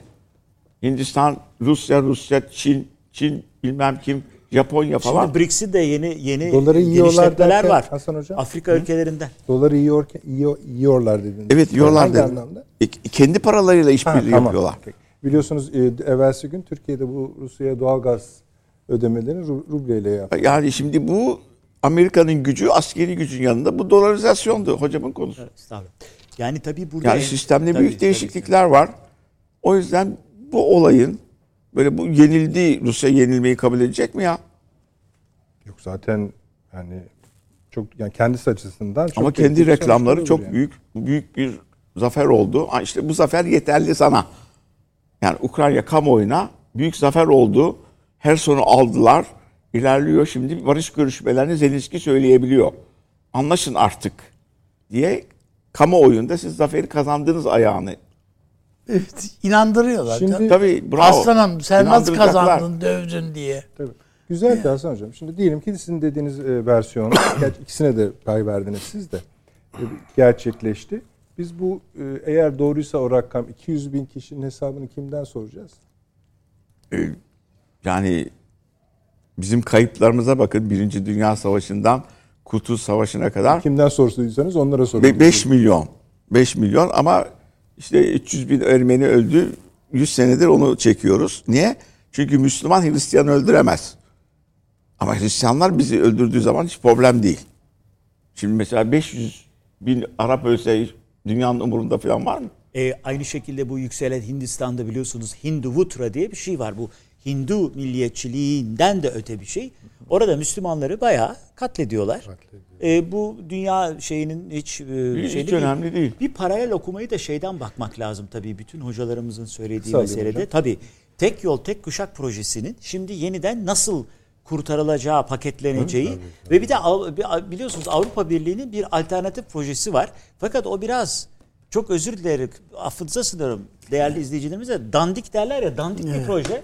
Ben mesela ekonomik entegrasyon falan Brüksel'de birkaç kişiye sordum. Onlar da farklı şeyler söylediler. Çok güzel olacak diyorlar. Ve nasıl olacak? Demokratik olacak. Ya yolun demokratiği, antidemokratiği olur mu diyoruz? Hocam inandırıyorlar canım. İnandırıyorlar. Adam şimdi hocam dedi ki e, yani bu e, yumuşak gücü falan anlıyoruz. Da bu onun dışındaki gücü anlayamıyoruz diyor hocam. Hocam şimdi düşünün ki bunların bütün akademisyenleri, aklı evvel çocuklarının hepsi Türkiye'de dahil. Şimdi Yunanistan'ın da başında var bu. Hepsi gazetecileri dahil. Hepsi bunların Amerikalılar Amerika'ya götürüldü. Eğit bir şeyden geçiyor. Bir tornadan geçiyor. Şimdi siz de biliyorsunuz. Mesela Amerika'da doktora yapmak istiyorsanız bir akademisyen siz daha iyi biliyorsunuzdur. E, yapmak istiyorsanız doktora konusunu veriyorlar size tarih konusunda. Ne siz kendiniz seçemiyorsunuz. Adam diyor ki 1915 olayları. Onu çalış diyor. Hadi çalışmada gel bakayım. Yani ön, yani adamın sinir senin sinir düğümün olan konuyu sana veriyor. Böyle böyle bir şey var. Bu gazetecilikte de böyle, iş adamlığında da böyle, siyasetçisinde de herkese böyle. Yani hatırlayın değil mi? Yani e, rahmetli Bülent Ecevit'i götürdüler. Senaryo çalışması yaptırdılar değil mi? E, Sen bir ada devletinde sosyal demokrat başbakan rolü oynayacaksın. Biz de bilmem darbe yapmak istiyoruz. Nasıl mani olursun ki filan diye. Ve canlı yayında Bülent Bey'i orada e, madara ettiler yani bir bakıma. Rol model. Evet. Bir reklama gidelim efendim. 5 dakikadır süremiz. 5 dakika sonra buluşmak üzere. Konularımız devam ediyor. Evet efendim devam ediyoruz. Artık birinci bölümümüzü kapadık. Bu konuşmada, e, bu tartışma devam edecek. Yani bir barış müzakereleri masası mı var bizim göremediğimiz yoksa savaş daha mı kötüye gidecek? Çünkü arası olmayacak belli ki. Ee, onu biraz ilerleyen zamana bırakıyoruz ve e, şu Amerikan seçimlerini de artık bağlayalım. Ee, Murat Hocam sizden başlayalım. Peki. Biz bağlayalım da henüz seçim bağlanmadı. E valla bizim o kadar maharetimiz olsun. yani. E, olsun. Evet biz biz biraz e, önceden de bakalım neler bekleniyordu, ne oldu. Bir kere demin dolaylı da olsa bir değinildi. E, bu e, cumhuriyetçileri biliyorsunuz e, renkler sembol olarak kullanıldığında kırmızı renk e, cumhuriyetçileri yani Republican denilenleri e, mavi renk ise demokratları e, yani Biden'ın partisini temsil eder. Bu çerçevede tabii seçim öncesinde e, eski başkan Trump'ın adeta vesayeti altında bu kelimeyi herhalde kullanmak yerinde olur. E, gözüken veya bundan bir türlü yakasını paçasını kurtaramayan bir e, Cumhuriyetçi Parti vardı. E, seçim öncesinde özellikle e, belirli bölgelerdeki aday tercihleri, saptamaları konusunda biraz gelişi güzel davrandıklarından dem vuruldu. Hakikaten e, bu konuda e, Mehmet Öz dahil olmak üzere ki diğerler arasında belki tırnak içinde en kalifiye, en tanınan, en e, belirli bir profesyonelliğe sahip kişiydi. E, Cumhuriyetçilerin bu konuda özellikle Trump faktörünü göz önüne alarak e, biraz e, çapaçul davrandıkları konusunda genel bir kanaat vardı. Seçim sonuçları bu kanaati doğrular nitelikte gözüküyor. Öyle ya biliyorsunuz eski Dick Cheney'nin meşhur kızı Cheney, e, Wyoming'den e, bu 6 Ocak e, parlamento baskını, kongre baskını dolayısıyla Trump'a tavır aldığı için adeta Cumhuriyetçi Parti'den e, aforoz edilmişti. Dolayısıyla bu şey var. E, Florida e, Cumhuriyetçilerin olağanüstü bir zafer kazandığı ve e, bugüne kadar e, belki e, e, Cumhuriyetçi Parti'nin hiç oy almadığı bazı e, bölgelerde dahi e, çoğunluğu kazanarak sürpriz yaptığı bir bölge. DeSantis diye bir adam var orada biliyorsunuz. O DeSantis baştan beri Trump ne bu zaferden dolayı kendisini kutladı ne adını andı. Tam tersine e, 2024 başkanlık seçimlerinde kuvvetli bir karşı aday olacağı için e, daha seçimin e, ilk dakikalarından bırakınız e, seçim başlamadan günler evvel seçim boyunca da DeSantis'i sürekli olarak hedef tahtasına koyma cesaretini veya bazılarına göre e, saldırgan taktiğini uyguladı. Sonuç ne oldu? Şimdi e, ara seçimler Amerika Birleşik Devletleri'nde enteresan bir yapılanma. Sadece kongre değil aynı zamanda senato ve bazı vilayet e, eyaletlerdeki düzeltiyorum e, vali seçimleri de yapılıyor. Biliyorsunuz eyaletler valiler tarafından yürütülüyor. 50 artı 2 modeli var. 50 eyalet var. Bir de e, Porto Rico ile Somo var. E, bu, bu, bu, ada, bu şeylere baktığınız zaman bu e, adaylara ve durumlara şöyle bir durum var. Kongrede çoğunluk için 218 oy sandalye Temsilciler gerekiyor. Meclisi Temsilciler Meclisi'nde. Temsilciler Meclisi biliyorsunuz alt kanat. Orada yasalar e, belirli bir oylama sürecinden sonra senatoya getiriliyor. Senato e, burada e, alt kanat e, eyaletlerin e, nüfus e, ve bölgesel dağılımlarına göre e, örneğin bazı eyaletler 30 e, milletvekili veya temsilci çıkarıyor. E, bazıları daha az sayıda e, cesamete ve coğrafi büyüklüğe göre. E, ama senatoda şöyle bir şey var. Her eyaletin büyüklüğü ne olursa olsun iki senatörü var. Dolayısıyla burada böyle ikili bir yapı var. E, hemen öncesinde biliyorsunuz demokratların bıçak sırtında bir üstünlükleri vardı.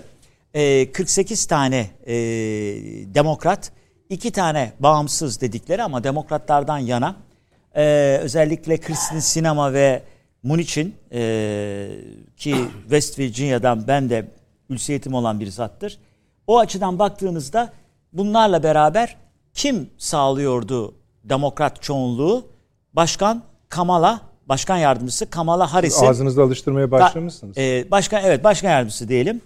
E, e, Kamala Hanım'ın e, oyu sağlıyordu.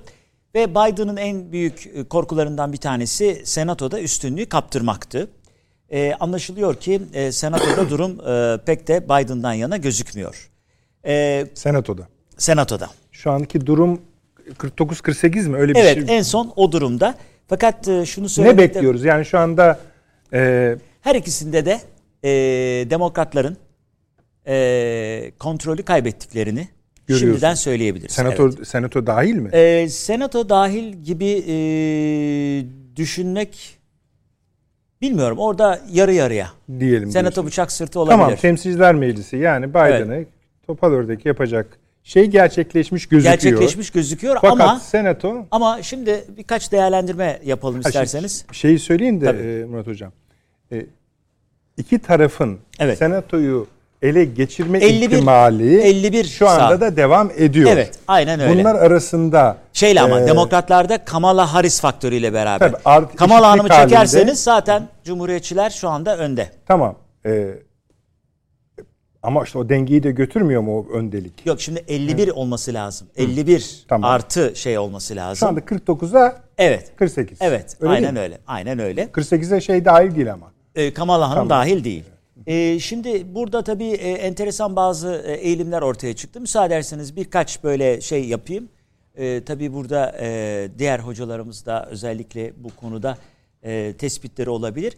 E, mesela bir seçime baktığınız zaman e, seçimin böyle sonucunu temsil etme yeteneği yüksek bazı bölgeler veya eyaletler vardır. Mesela bunlardan bir tanesi Ohio. Ohio aslında e, seçmen yapısıyla ve nüfus analizi bakımından, demografik yapı bakımından Amerika'yı e, temsil eden ve parti eğilimlerini, genel yaklaşımları, e, Amerikan efkarı umumiyesinde mevcut bütün eğilimleri bünyesinde burun, bu, e, barındıran bir e, bölge.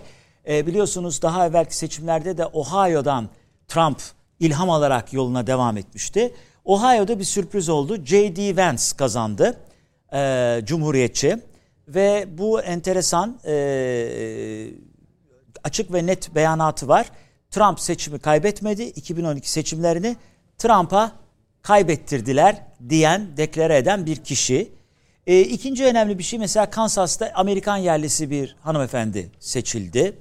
İlk zenci vali açık ve cinsel tercihini e, belli, belli eden bir evet. başka hanımefendi vesaire. Bunlar önemli şeyler gibi gözükebilir ama e, anahtar e, eyaletler hala ortada. Arizona. henüz sonuç belli değil. Georgia Senato için Evet, senato için konuşuyoruz. Ee, Nevada, Pensilvanya büyük bir sürpriz oldu. Oz maalesef Latin oylarının, Latin e, oylarının sadece yüzde otuzunu alabildi.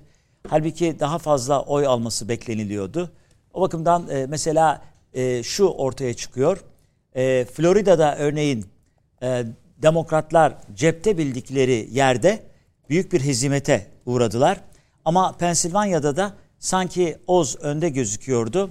Fetterman isimli bir vali yardımcısını adam çok ağır bir rahatsızlık geçirmesine rağmen Oz'un karşısına çıkarttılar ve orada gerçek bir eski başkanlar mücadelesi oldu.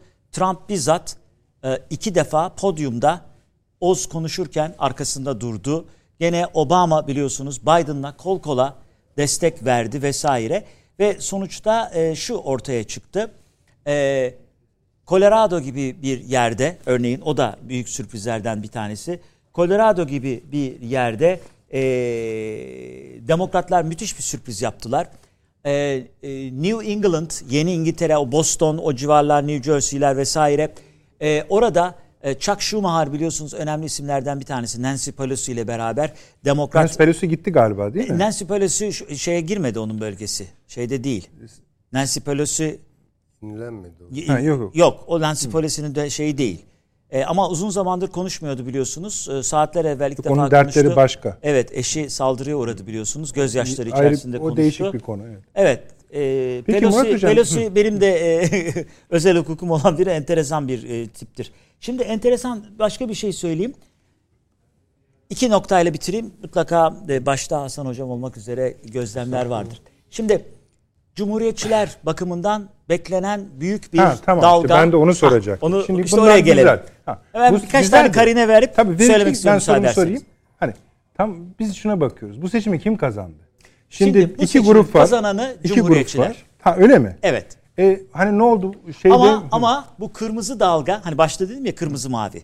O beklenen kırmızı dalga böyle silip süpürecek 2024'te aman yandım Allah yetiş Trump denebilecek bir hava ortaya çıkmadı. Ha, şöyle söylüyoruz o zaman. Bu seçimleri Biden kaybetti bir. Ee, şöyle diyelim Biden aslında ee, daha zecri bir sonuçla karşı karşıya kalacağını düşünüyordu. Çünkü korkusu şu özellikle bu enflasyon, hayat pahalılığı. İki tarafı kır- da net bir şekilde kaybedeceği. Şöyle şöyle bunun bir referandum veya güven oylamasına e, dönüşebileceğinden korkuyordu. Onu o şeyi algıyı yerleştirmeden ortadan kaldırdılar.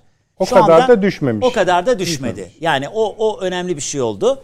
Trump bakımından bence Trump'ın onun çok açık olmadığı ortaya çıktı. DeSantis faktörü çıktı. Ee, konuşmaysa konuşma, retorikse retorik.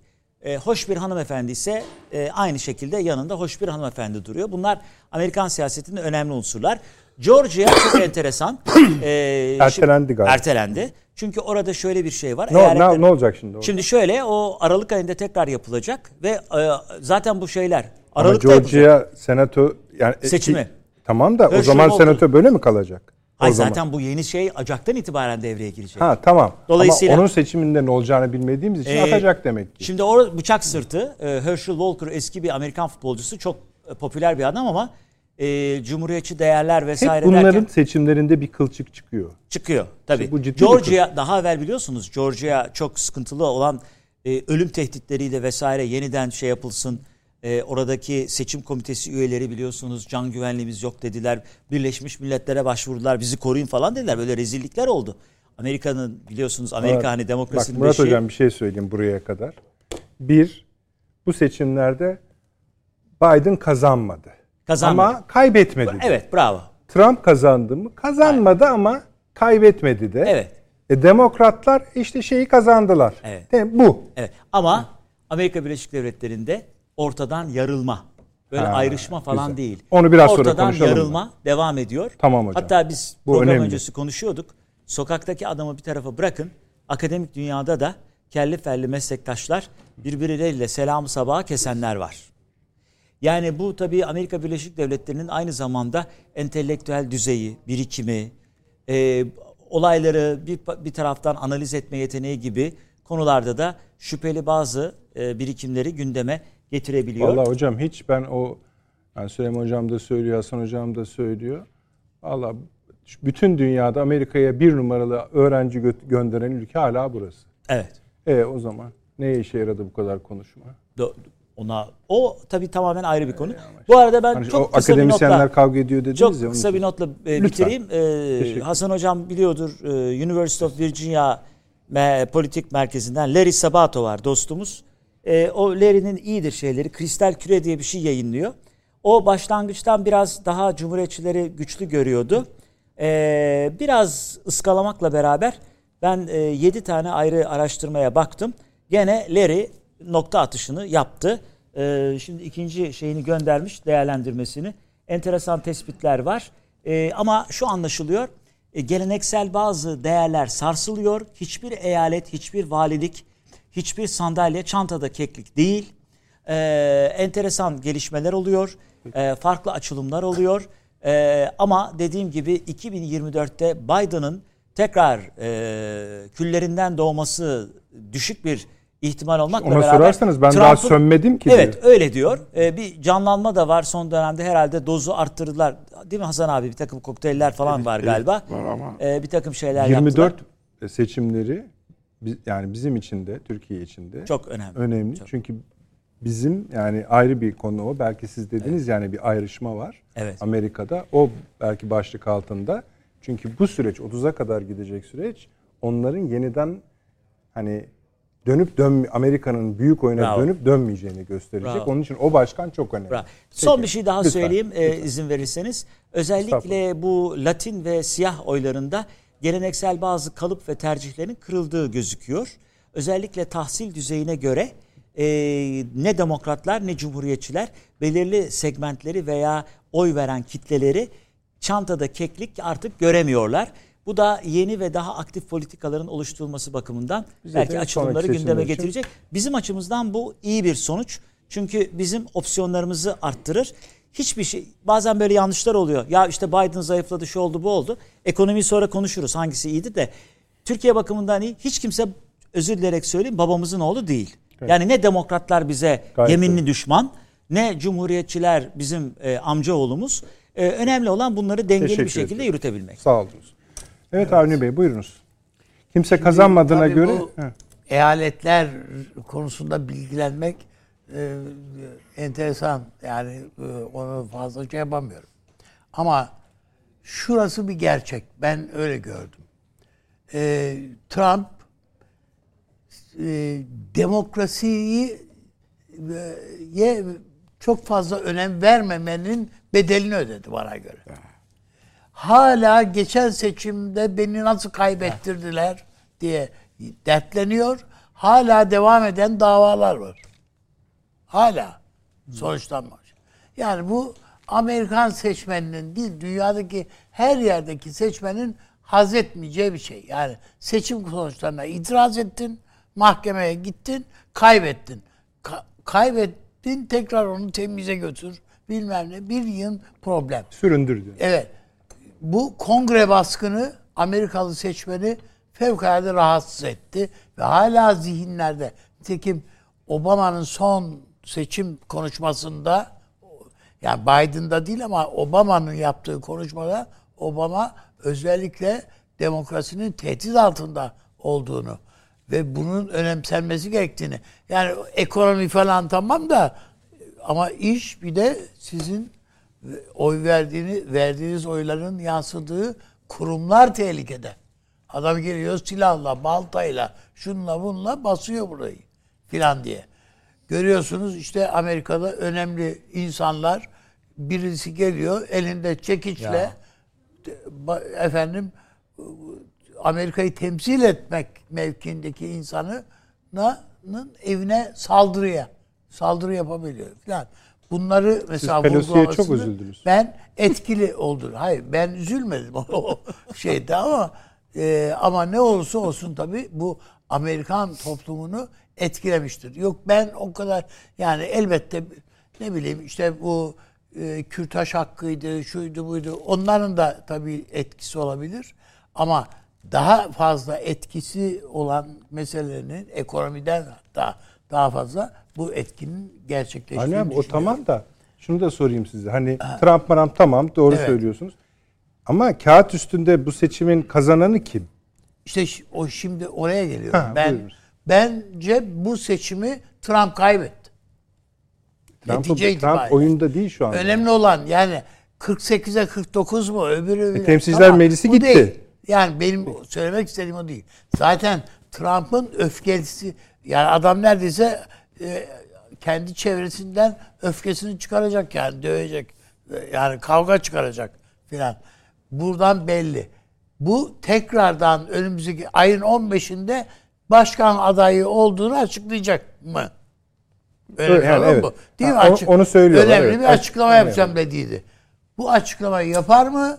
Yapmaz mı? Bu gerçekten önemli. Cumhuriyetçi Parti, Cumhuriyetçi Parti Trump'ı seçer mi aday olarak? Yoksa başka bir tercihte bulunur? Önemli. Bu yani bu onun için bu e, şey Trump meselesi bana göre son derece tartışmalı bir nokta. Sadece o mu tartışmalı? Yani e, işte bu Zelenski dedik yani işte ba- basit bir şeymiş gibi görünüyor. Adam gündemde olmaya ve az solist olarak sürekli sahneye çıkmaya alıştı. Şimdi yok, iltifat yok adama. İşte en son Oscar Oscar götürüyorlar bilmem neydi. Diri duruyor.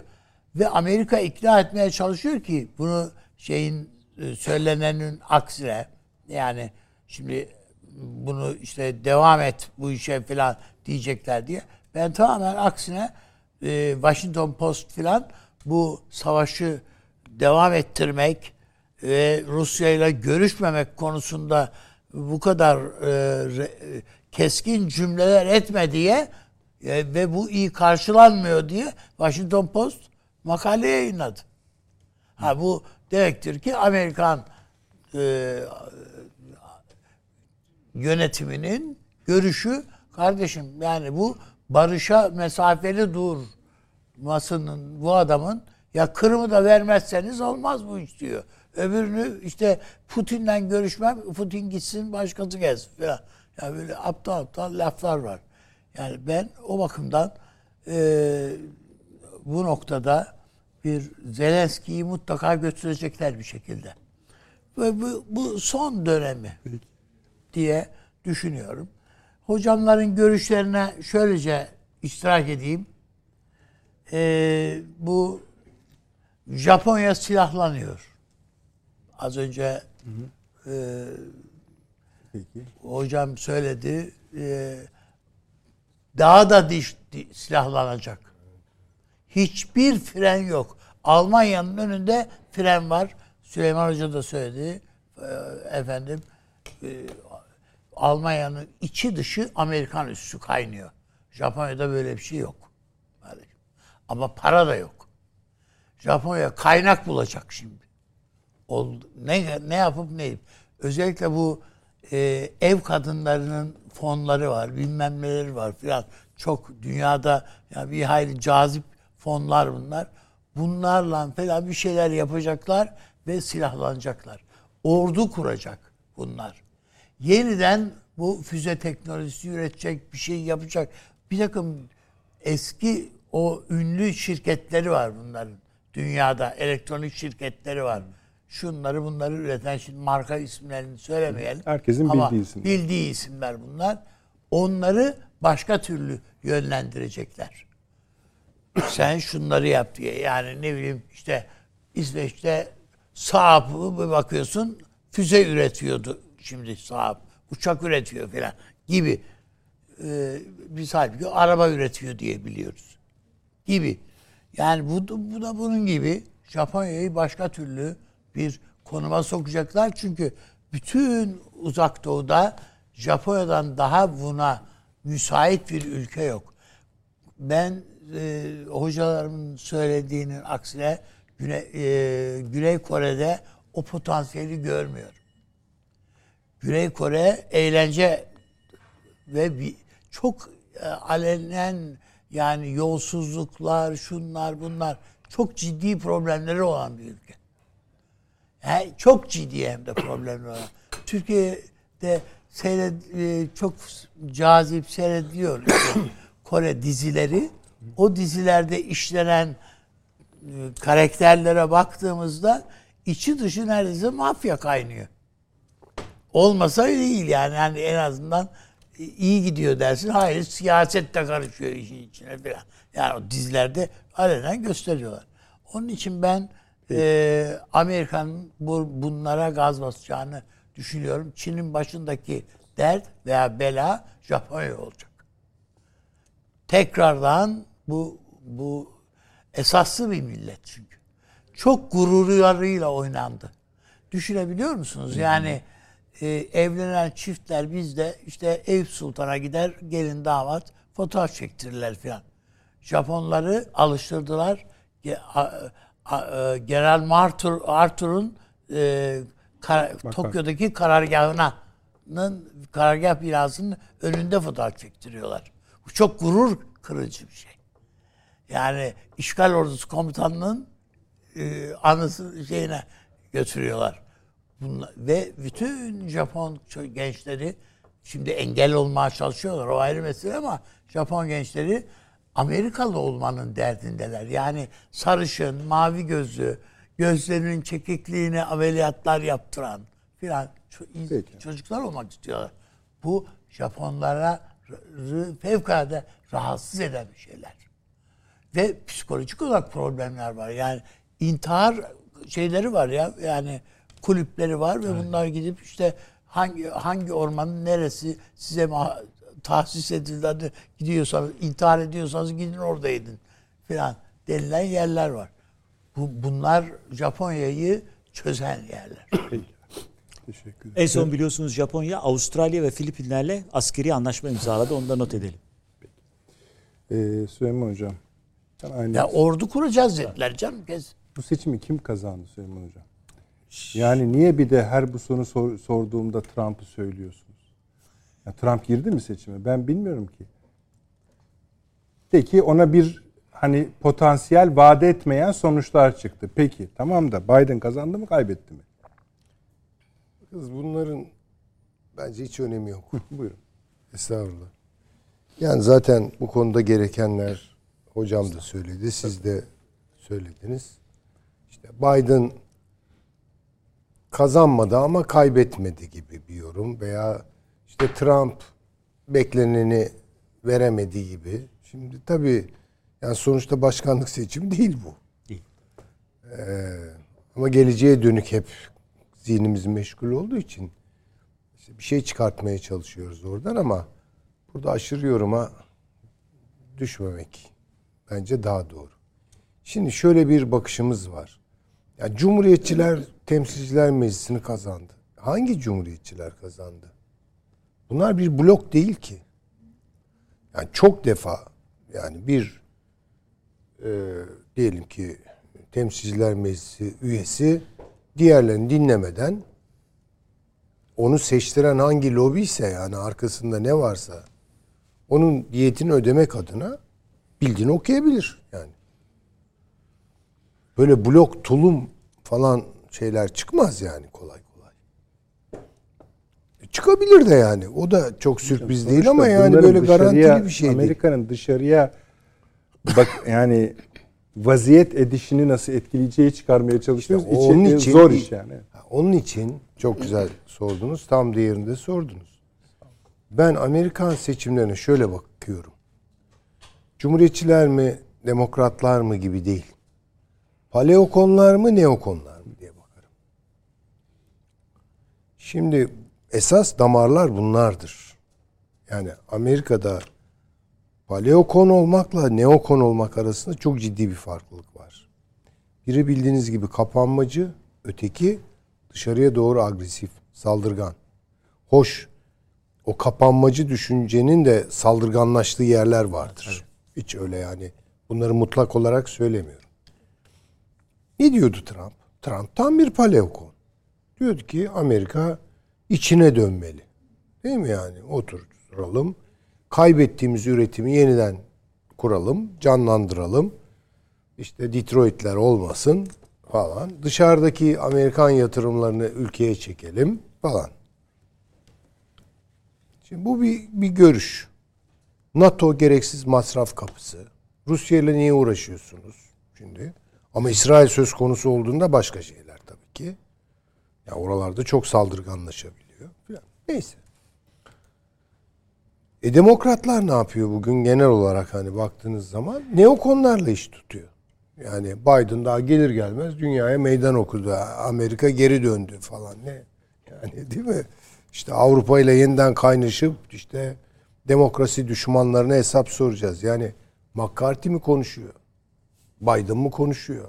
Biri cumhuriyetçi, öbürü demokrat. Ne fark ediyor ki? Yani ama aynı kafa konuşuyor. O neokon kafa işte. Şimdi ben onun için ona bakarım. Yani bu temsilciler meclisine seçilen adamların ana doğrultuları ne? Bu önemli. Dünya açısından da önemli olan şey bu. Tabii canım, bir, bir tek Tabii. biz bakmadık ki. Tabii. Ruslar da bakıyor, Zelenski de bakıyor. Eminim İngilizler Ruslar bakıyor. bunun şu an şeyini çıkarıyordur. Topografisini Kimler çıkarıyorlar. Yani, yani. kimin eğilimi nereye doğru? Yani yoksa bu cumhuriyetçi, o demokrat gibi bakmıyorlardır. Ee, öyle bakıyorlarsa zaten aldanırlar. Onu da söyleyivereyim. Şimdi e, bu açıdan baktığımda Trump'ın tezi tutar mı tutmaz mı? Bunun için esas olarak Amerika'nın ekonomik dinamiklerine bakmamız lazım. Bakalım güzel. Şimdi ben hep bunu söylüyorum. Yani Trump çok önemli bir laf etmişti. Arkasına da Andrew Jackson'ın resmini koydu. Altın standardı dedi. Bu altın standardı meselesi Trump'a bedel ödetti. Çünkü şu an paleokon düşüncenin dayanacağı ekonomi politik dolarizasyon olamaz. Ve Trump etkili bir biçimde dolarizasyona karşı çıkıyordu. Ne bu habire dolar basıyoruz falan. Bununla ekonomiyi kaybettik. Onun için yeniden altın standardına dönelim. Hatta Judy Shelton diye bir kadın vardı. Onu da Merkez Bankası Evet, şeyine getirdi. baş, e, Judy Shelton'ın zaten bütün söylediği bu. Yeniden altın standart. Bu ne demek? Disiplinli bir para rejimi kurmak. Şimdi disiplinli bir para rejimi kurarsanız bu ekonomi ayağa kalkar. Dünyanın neresinde başıboş e, bir e, parasal genişlemeye giderseniz orada üretimin değeri düşer. Ya şöyle düşünelim. İki tane kalem üretiyorum. Piyasada 2 lira var. Her birinin değeri 1 lira değil mi? Yani düz hesap tabii ki. Şimdi ben eğer 4 lira sürersem 2 4 lira olacak. Değil mi yani? Bu giderek ne olacak? Şişecek. Aslında bu ekonomik olarak malların değerlenmesini geriye çeviren bir şeydir. Yani ekonomik üretim değer taşımaz artık yani. Çünkü o şişen rakamların peşine düşersiniz. Onlarla iş ve işlem yapmaya başlarsınız. Bu parasallaşma denilen hikaye. Buna karşı çıktı. Şimdi bu Amerika açısından Yani Ayrı düzenin isteyen. tam şeyine dinamit koymak. e, tabii ki. Şimdi buna karşı ne oldu? Habire dolar basan Biden geldi. Daha da ne kadar basabiliriz? Şimdi, şu hale bakın. Şimdi önemli olan bu. Yani neokon düşünce, demokrat işbirliği genel manada dolarizasyon üzerine oturuyor. Doların sahipleri onları destekliyor. Öteki öteki şu an ortada. Yani onun için önümüzdeki seçimlerde başkanlık seçimleri 2024 buyurdunuz değil mi? 2024'e kadar bu dolarizasyon Amerika'yı nereye götürecek? Buna bakacağız. Yoksa Onlar çok da kurtulamayacaklar herhalde. Biraz e, mecbur tabii yani ama şimdi bakın gözüküyor. iki dönem resesyon. Şey iki dönem küçülme resesyon. Üst üste. Enflasyon devam ediyor. Öyle mi? Bunun adı da herhalde Stagflasyon. diyorsunuz değil mi Hem Sayın Hocam? küçülme hem şey. Yani bu devam ediyor. İşte böyle bazı rakamlar göz boyu yok. Tarım dışı istihdamda şu kadar artış olmuştu bilmem ne bu kadar. Bunlar geçiniz yani. Bunlar hiç önemli değil. Amerikalı daha darbeyi tam almadı. Ama bir anda alacak. Yani 2023 ben ekonomistleri dinliyorum yani. açık söyleyeyim. Yani Amerikan ekonomisi nereye doğru gidiyor? Ki bugün masamızda da bu işin kompetanı var. Ondan dinlemek herhalde en doğrusu. Hiç hayra alamet değil. En önemli yani aklı başında ekonomistlerin söylediği şey şu. Getiri eğrisindeki ters orantı. Bakın bu iki e, işte şeylik e, senelik iki aylık mı şeylerin oranları faiz. İki senelik, on İki- senelik. iki senelik, on senelik e, faiz oranlar arasındaki ilişkin ne, ne beklenir? Normalde ben 10 senelik e, yatırım parayı, yapıyorsam daha fazla kazan. Hayır öyle değil. Tam tersine 2 senelik baskın. Bu derken 3 senelikler ön plana. Bu daha kritik diyor aklı başında ekonomistler. Bu bu geri çevrilemez bir noktaya götürüyor Amerika'yı.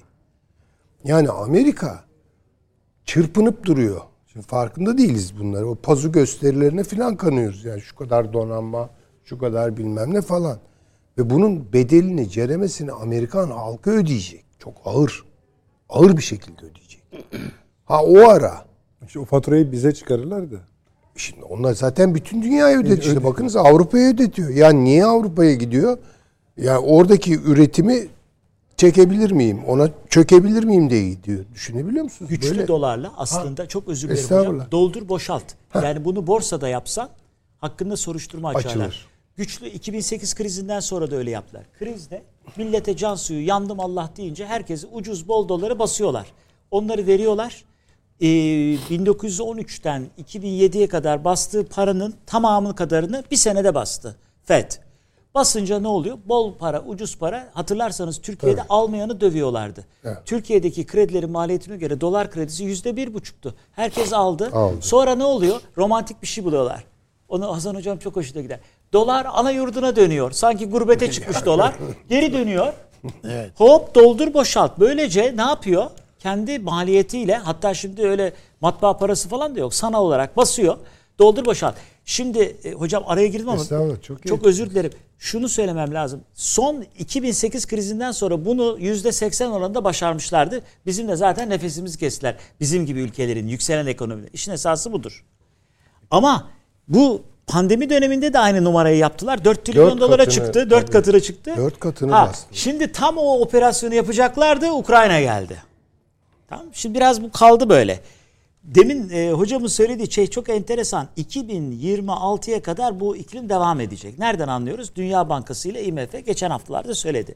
Şimdi enflasyon dediğimiz fiyatların genel düzeyinde yükseliş. söyledi Dünya Bankası. E dedi ki 2026'ya kadar büyüme özürlü ve enflasyonda Zaten yukarı yönde o da şeyin ikinci yılı Ha, olsun. aynen. Felaket küçülme değil, Tabii. küçülme değil, pörsüme oluyor. Affedersiniz pörsüme olduğunda da böyle içeri doğru çekilince bazıları nefes alamaz hale gelirler. Şimdi enflasyon fiyatların genel düzeyinde yükseliş 40 seneden sonra çıktı ortaya.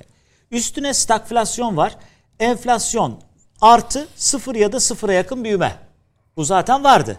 Şimdi resesyon çıktı. İki Üstadımın dediği enflasyon artı iki çeyrek üst üste küçülme. Daha yetmez. Yeni senaryolar var. Hazırlıklı olalım. Slumpflasyon var. Yüksek enflasyon artı sürekli küçülme. Evet. Sonra depresyon var. Hasan abim bir, bir tane daha var merak etmeyin. Yüksek enflasyon artı artan işsizlik artı sürekli küçülme. Orada zaten sosyal Ha, deformasyonlar sonra da, başladı. Sonra da Nedret abi deflasyon geliyor. Deflasyonda fiyatların genelinde sürekli düşüş artı büyümede düşüş. Yani örtkü ölen meselesi tamam. oluyor. Ondan sonra Amerika'da zaten darbe 29 geliyor savaş demektir. Evet, evet. 29 Yarısında bu orayı görmez zaten. Evet, evet. Yani dolayısıyla aslında burada bu bu kaygan zeminde ne yapacağız, nasıl durduracağız? Bugün Sayın Nebati de enteresan tespitlerde bulundu. Yani faizi arttırırsanız bunu engelleyemezsiniz dedi ama alternatifi nedir? Yani şuna benziyor. Antibiyotik tedavisi çok sıklıkla kullanılıyor. Yan etkileri de var. Peki reddediyorsan ne yapacaksın? Hani Belçika'da onun şeyleri var. Başka bir programda konuşuruz belki. Enflasyonla mücadelenin ama garantili çözüm olmadığı kesin. Dolayısıyla elimizde böyle işleyen bir şey yok. Hocamın söylediği şey önemli. Yani bir parça böyle doldur boşalt, ince ayar vesaire. Bugüne kadar gelişmiş ülkelerin en büyük şeyi şuydu. Kendilerine göre fazileti. Faturanın büyük kısmını bizim gibi görece e, daha az gelişme skalasında daha geriden gelen ülkelere fatura et. Fatura et. Peki Bu fatura etme imkanını bulamadıkları anda tıkanırlar ama o tıkanmayı da kendi içlerinde tefessü etmezler. Maalesef onu dışarıya doğru yayarlar. Teşekkür Problem o. Süleyman Hocam. Şimdi şöyle, e, benim esas burada baktığım Çin. Çünkü e, hocamın da işaret ettiği 2008 krizinden dünyayı çıkartan Çin'di. Bunu kabul etmemiz lazım. E, kriz başladı. Amerika'da ve Avrupa'da can havliyle o quantity neyse işte QE Quantitative dedik. easing, İ- parasal eas- genişleme. Ya parasal genişleme ya para basmanın yani sahte şöyle. sahte para basmanın Yani adı bu olur. kalpazanlık diyeceksiniz diye. Kalpazanlıktır tabii bu yani karşılığı olmayan para basarsanız kalpazan. Yani laf aramızda. Şimdi bunu ne yaptılar? Batan şirketlere yönlendirdiler. Bravo. Çin tabii o da e, şey e, krizi yaşadı. Çin de aynı şeyi yaptı. Parasal genişlemeye gitti ama şunu hemen bunu dedi bankalara, tüketicilere aşağıya vereceksiniz. Orta sınıf yaratacağız. Tabii ve İnşaat. üretim devam edecek dedi. Şimdi üretim devam edecek sloganını alınca bankalar şeyden daha doğrusu emrini alınca şeyler çarklar dönmeye başladı. Ve bütün dünyanın alıcısı oldu Çin. Bakın Şili'deki bütün bakır madenlerini kapattı. Yani Şili'yi kurtardı. Avustralya'daki bütün o mineral bilmem ne bir takım madenler var. Onları şey. Afrika'dan alımlar yaptı. Falan ve bütün dünyada şeyi başlattı. Yani bütün hani en kolay harekete geçirilebilir ve aynı anda pek çok sektörü ayağa kaldırabilecek olan e, urban economics'i başlattı. Şimdi hatası da buydu zaten. Onun için o kadar konut elinde kaldı ölü şehirler falan. Şimdi dolayısıyla şöyle veya böyle gemiyi yüzdürdü Çin. Fakat şimdiki krizde 2019'dan itibaren Çin'de yaprak kımıldamıyor. Çünkü şimdi dünyanın en büyük üretici gücü Çin değil mi? Tamam. Bir şey olacaksa oradan başlayacak yani. Çin harekete geçirecek. Talep dünyası tek yol işleyecek. İpek yolu bilmem ne olacak falan. Hayır tam tersine bir buralar sabote ediliyor. Bunu anladık. Çin ise kapanıyor. Bu dışarıdaki süreci kötüye mi itecek? Çok kötü itecek Tamam. işte. Çünkü Yani Çin buraya kadar saydığımız Avrupa, Amerika Birleşik Devletleri dünyadaki genel ekonomik kötüye gidişi besleyen bir şey olacak. tabii ki. Yani sonuçta Daha ne lazım derler daha adama, ne lazım? Yani gelir. Amerikan ekonomisi düzelir mi? Ya Amerikan ekonomisinin düzelmesi çok başka şeylere bağlı. Yani sadece altın standardı gelse de düzelmez de. Ama esas şu an dünyadaki üretim nerede? İşte Almanya'da halini görüyorsunuz. E nerede? Çin'de halini görüyorsunuz. E çip üretimi düştü diyoruz. Tayvan aynı şekilde devamlı üretim grafikleri düşüyor. Ve bunu harekete geçirecek hiçbir yaprak kımıldamıyor dünyada.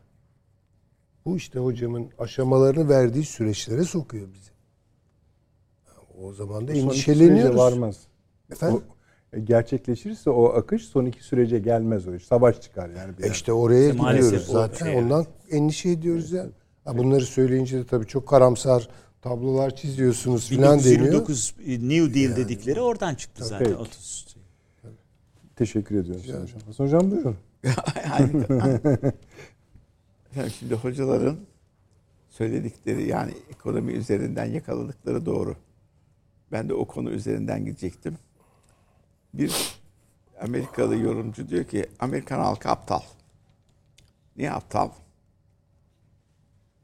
Palyatif konular üzerinden oy vererek e, Biden'ı çok büyük bir kayıptan kurtardılar. Biden kaybetti. Ama büyük kayıp bekliyordu. Nedir palyatif konular? Kürtaj hakkı. Şu anda kadın hakları dünyada çok gelişmiş bulumda. Orada kürtaj hakkı, kürtaj hakkı falan. Peşinden demokrasiyi kaybediyoruz. İşte o basma olayları. Demokrasiye kaybediyoruz deyince çoğu zenci cumhuriyetçilerden de girmesine rağmen Hispanikler, e, diğer gruplar acaba biz bu beyazların arkasında mı kalacağız olayına gittiler. Halbuki olay olay hocaların söylediği gibi ekonomikti. Nedir ekonominin boyutu içinde? Mesela göç. Amerika'da, Avrupa'da biz de göçe doyduk. Niye? Var olan pastayı eklemeye değil almaya geliyorlar. Mesela Kanada'ya götürüp 500 bin dolar yatırırsanız orada da bir işçi çalıştırırsanız size welcome diye. Pastaya ek. Ama abi ne iş olsa yaparım diye gelirseniz Kanada çok fena kızıyor. size. Pastadan alıyorsunuz. Peşinden Trump'ın söylemi. İşte hocam 2008 yılında. Amerika number one. Demektir ki Amerika number one olacak lafı Amerika çöktü. Biz tekrar onu çıkartacağız cümlesinin gizli kalmış cümlesidir o. Doğru. Çünkü en azından bir değildir artık. Ha, bir değiliz. Onu söylüyor. Biz çöküyoruz diyor. Ve bu çökme bu durumda devam edecek. Biden'ın politikalarıyla bu tavır demin anlatıldığı gibi devam edecek. İkinci boyut yeniden Çin'e karşı bir denge politikası izlenmesiydi. Burada işte Avrupa'yı yanına çekme boyutuna çok büyük kayıplarda şey ettiler. Yani 60 milyar dolar vermişler. Daha da hesaplarına göre e, işte 90'a çıkması lazım. 30 milyar daha dolar verecekler. İçeride yollar, şunlar bunlar diğer gelişmeleri yapacak halleri yok. Yani ekonomiyi tekrar canlandıracak e, durumları yok. Bir boyutları daha var. Evet. O da yeni gelişmelere açılacak yatırımları yok. Yani silah üretimine, bilmem ne üretimine bunların kısıtlamalarını getirecek şudur budur. Şimdi bu ileride hocaların söylediği gibi Amerika'nın daha da memnuniyetsizliğine doğru gidecek. Yani 24 seçimlerinde bu iki sene daha bu anlatılan durumlar ki doğrudur.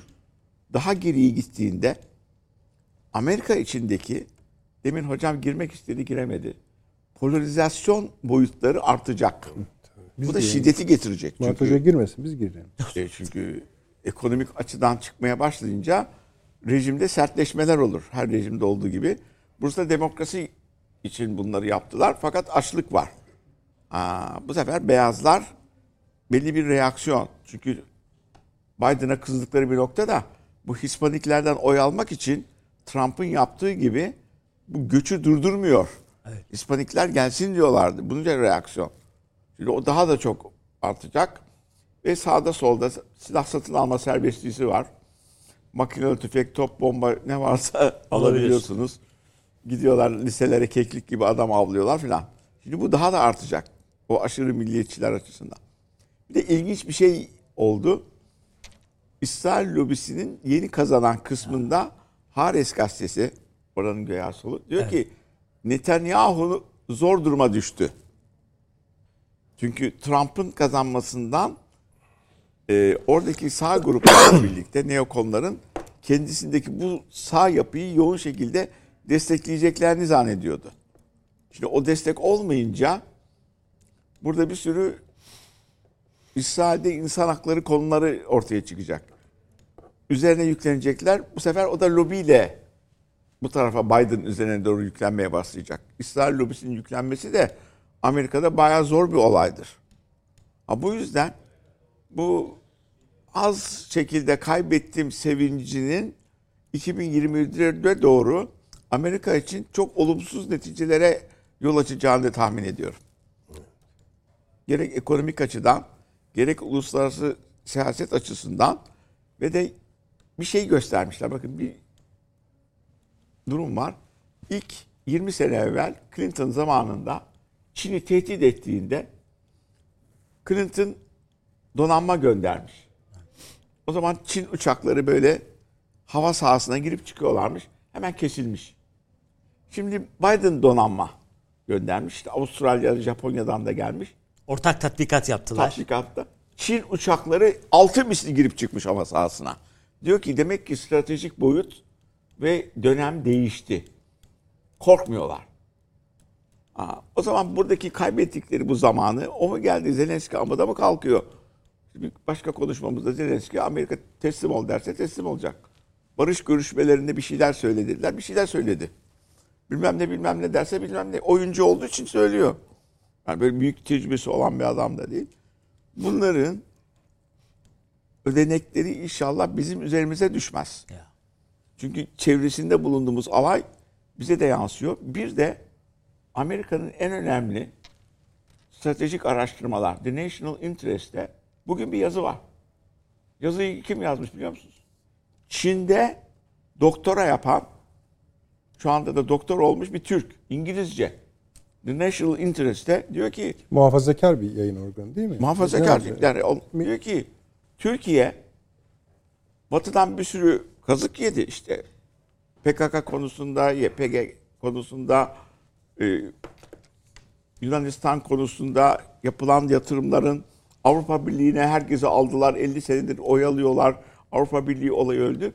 Ama diyor Asya'da Çin'in siyasal analizler üzerinde bir baskısı yok.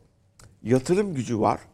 Bundan sonra Türkler de zaten doğuda Türkiye'nin geleceği yer kendisine devamlı kazık atan bu batı yerine doğudur diye yazmış. Ama yazdığı yer National Interest. The National Interest. Ya bunu nasıl koyarlar? Avrasyacılığa atıfta bulunuyor mu? İşte doğu Evet, değil yani. onu söylüyor. Yani onu şey yapıyor değil mi Evet, açık? diyor ki bu buraya geliyor. Hayır yani onu da belirtiyor mu? O açıdan Ama söylerim. hocam Biz sadece ismini tarafı- söylemiyor, her şeyi tarif Ama ediyor. Çin basınında olabilir, takip ediyoruz. İngilizce, Rusya basınında olabilir. Ha bizi ta- davet ediyor. Ama The National Interest'te İngilizce, Çin'de doktora yapan bir yani tabii epeyce uzun sürüyor bizdeki gibi bir doktora değil. Bir adamın yazısını İngilizce koyması aa bir şeyler dönüyor. Ne demek istiyorlar bize? Ne oluyor? Ee, Çok dikkatimi çekti. Gerçekten değişik bir olay. Yani ufak bir makale gibi değil gibi. Ha, yani öyle bir şey. Daha evvel Çin'de e, yani Türkiye'deki demokrasi ne olacak filan gene The National Interest'te. Bu sefer bu ikinci bir makale. E, bu tarzdaki gelişmelerin tek ümidimiz demin anlatılanların ki bu anlattıkları bütün dünyayı etkiliyor. Onun için konuşuyoruz. Yoksa Amerika'da seçim kim seçildi Tabii, tabii önemli değil. Fazladan da ne kadar muhalefet varsa bir Amerika'ya gidiyor. Niye gidiyor? İngilizce burada da bir konuşup CNN izleyebilirler değil mi? Yani bilmem ne yemeğe gidilmez ki. Demek ki başka bir şeyler var. O yansımadan da korkuyorum. Bilmem ne dediniz. Hamburger demek istiyorsun. Hamburger tabii. Şimdi yanlış anlar izleyin. Aslında biftek yeseydi daha iyi olur. Yani başka bir şeyler Tamam de hocam söyleyeyim. devam edin. O yüzden e, konulara dikkat ederken bu fakirleşmenin getirdiği agresyon mu olur? Hakikaten demin söylendiği gibi içeri kapanma mı olur? Ama içeri kapanırsa Asya'da yeni ekonomik yapılar oluşuyor. Çok zor. Avrupa Birliği daha büyüyerek ne yapmak istiyorlar diye konuşuyorduk 2-3 toplantı evvel burada arkadaşlarla. Acaba Macron işte Almanya ile birlikte daha büyük bir Avrupa'da bir üçüncü blok mu oluşturmak istiyor? Bir takım görüşmeler oluyor. Yeni yatırımlar yapılmak istiyor. Demin Almanya'da anlattılar. Ha, bu sırada Türkiye'de Doğu blokunda mı yer alsın, Asya blokunda mı yer alsın demek istiyorlar. Bunu da anlayamadım. Nasıl bir gelişme olacak? Bu son iki sene bu seçimin yanlış oylamasının bana göre sonuçlarını çekeceğiz. Amerika'daki seçimin sonuçlarını... Amerika'daki seçimin tabii yansıyacak. Hocam Türkiye'ye bir yansıyor. de tabii şu var. Siyaset teorisi tabii siz bu işin kompetanısınız. Benim cahilime verin ama şu var. Şimdi genel kamuoyu yoklamalarında da ortaya çıkıyor. Şimdi bir seçim ortaya çıktı. Net ve kesin kazanan kaybeden yok. Şimdi efkar umumiye şöyle bir şey ister. Bunu kaybedeni kim, kazananı kim? Biz bu, bunu niye yaptık? Bu kadar gittik, konuşmalar oldu, şunlar oldu, bunlar oldu. Millet e, bahçesine şey astı, komşuyla selamı sabaha kesti. Sonuç ne? Bu biliyorsunuz yani dünyadaki faşizan veya popülist eğilimlerin önünü kesilmesi konusunda yardımcı değil. Tam tersine bir süre sonra mekanizma kilitleniyor. O da haklı, bu da haklı. Ben onun saçını, stilini beğendim. Ama onun eşi e, şöyle göz kırptı falan filan derken sonuçta kitlelerin nezdinde sandık ve demokratik süreçlere güven veya problem çözebilmeye oraya atfedilebilen muktedirlik azalıyor, baskılanıyor. Bu da aslında bu kriz ortamları için hoş bir durum değil. Maalesef bir epistemolojik bir yapı var. Yani kriz ortamında yani biliyorsunuz bir şey olduğunda askerlikte niye şey yoktur? Yani bir savaş anında komutan diyor ki hazırlanın süngü tak hücum diyecek. Bir dakika efendim demokratik oylama yapalım. Süngü takmak isteyenler, istemeyenler falan filan. Böyle bir şey değil. Çünkü kısa zamanda otokratik çözümler en iyisidir. Onun için askerde emir komuta vardır. Dolayısıyla ama maalesef e, böyle kısa dönemler artık dikkat ederseniz perspektifimiz kısaldı. Demin hocamın söylediği kağıt meselesi çok önemli. Ve şunu kıramıyoruz. Ya Bretton Woods şöyle oldu böyle oldu. 80 sene oldu yahu. 80 sene oldu. O yönde çok ciddi çalışmalar var. Ya bakıyorsunuz var ama yani 80 sene oldu hala bunu kıramıyoruz. Dünyada her türlü finansal varlığın değeri rezerv para Amerikan dolarına doğrudan veya dolaylı bağlıdır. Bakın açıkça söylüyorum. Anneannenizden kalma broş değeri odu- odur. Yani gayet açık ve net. Ve hocam çok güzel söyledi. Aslında arkası boş bir havadır. Bize enflasyon falan diye yutturuyorlar. Enflasyon şişmemiş mi? Tamam da nedret ilkesini, nadirlik ilkesini ilk defa ihlal eden sensin kardeşim. Orijinal hani var ya e, Hristiyanlıkta Evet. orijinal günah diyorlar. İlk günah. İlk günahtan sonra zaten e, Basel Badel nedir, nedir hocam o? Nedret ilkesi Bas- yanlış anlaşılabilir. Onu bir kısaca anlatayım. Nedalete bir şey var. Ha nedret ilkesi. Ha, şimdi yani ha, nedret tabii, Bey bir tabii. şey mi Hayır, dediler, nedret ilkesi Azlık, yok. nadir, Azlık, ha. az olan değerlidir.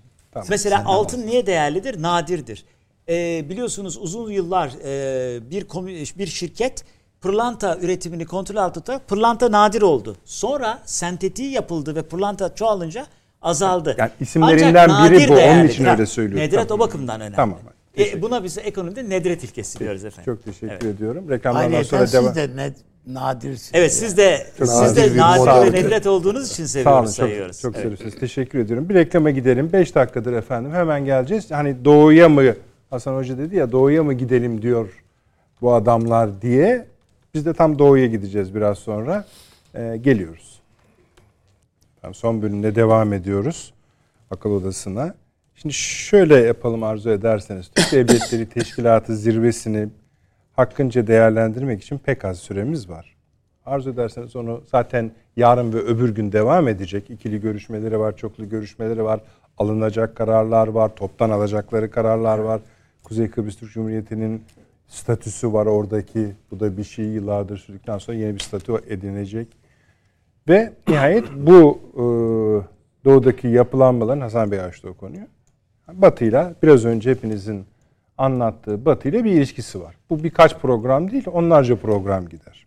En iyisi şöyle yapalım isterseniz Avni Bey sizinle birlikte. Ben size bu konunun son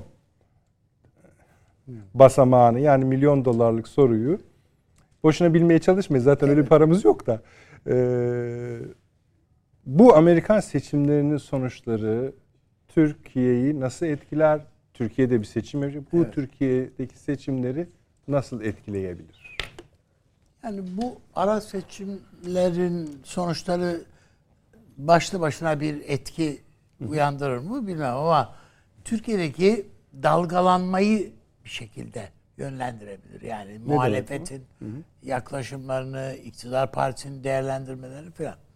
Ama ona giderken mesela bir ölçüt olsun diye söyleyeyim. Yunanistan'da durup dururken bu seçimlerin sonucunda Dede ağaç Türk Yunan'dır, Yunan kalacaktır diye bir slogan çıktı. Hani bizde Kıbrıs Türk'tür, Türk kalacaktır diye gösteriler yapılırdı. Şimdi Yunanistan'da dede ağaç meselesi. Bu ne bu? Yani Amerikalılar bu el koydular bizim topraklarımıza. En önemli Ha muhalif anlamında Amerika'nın bulunuşuna Tabii, mı? tabii, muhalif? bulunan- Ha, bize söylüyor. ha yok bize tabii. Peki.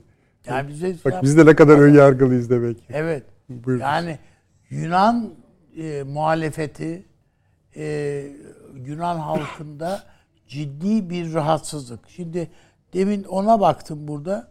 E, 8 tane üs var. Önemli üs. Yunanistan'da. İki tane de e, denetim noktası var filan Amerikalıların. Ortak hareket merkezi Evet, falan. ortak hareket merkezi var. O Kestelli'ydi, Kalamato'du filan filan filan. Yani bu- çok büyük bir baskı gücü ve Yunanistan'ı diyor Ru- Rusya'nın veya Türkiye'nin hedefi haline getiriyorsunuz. Biz bunu istemiyoruz diyor adam. Deli ağaçtan da bu çeksin gitsin bu Amerika diyor. Filan. Şimdi bütün bunlar bir tarafa bırakalım. Yani bizim şu anda işte Amerika Türkiye açısından da bakıldığında değil mi biz bizi çevreliyor diye Evet. düşünüyoruz. Bu dede ağaç üzerinden filan değil. Bir böyle bir boyutu var. Bu tarafın yani Türk-Yunan ilişkileri diye de bakmak lazım. Amerikan faktörü diye bakmak lazım. Ama öbür taraftan Türkiye'nin kabaran bir itibarı var.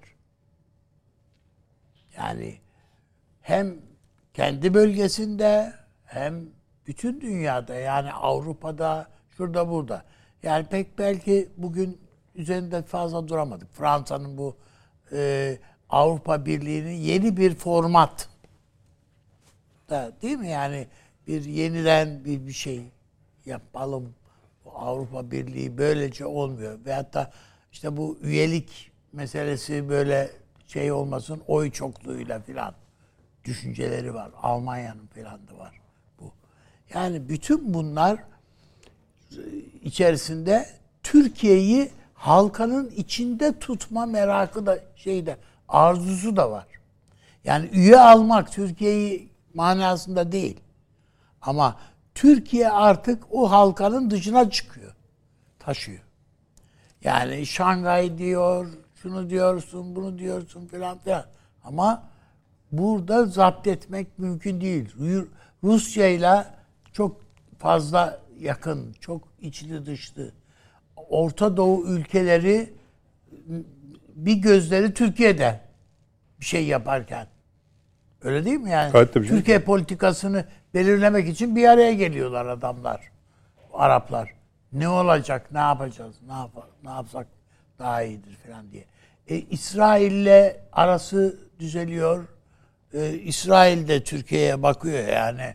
Şimdi ne kadar şey yaparsa yapsın, işte Yunanistan'ı kollamak isterse istesin, e, göz göre göre işte oradaki e, gaz varlığının, petrol varlığının İsrail karasularındaki e, bunun en doğru geçiş noktası Türkiye üstünden. Yani bunu görmemesi için kö- kör olması lazım.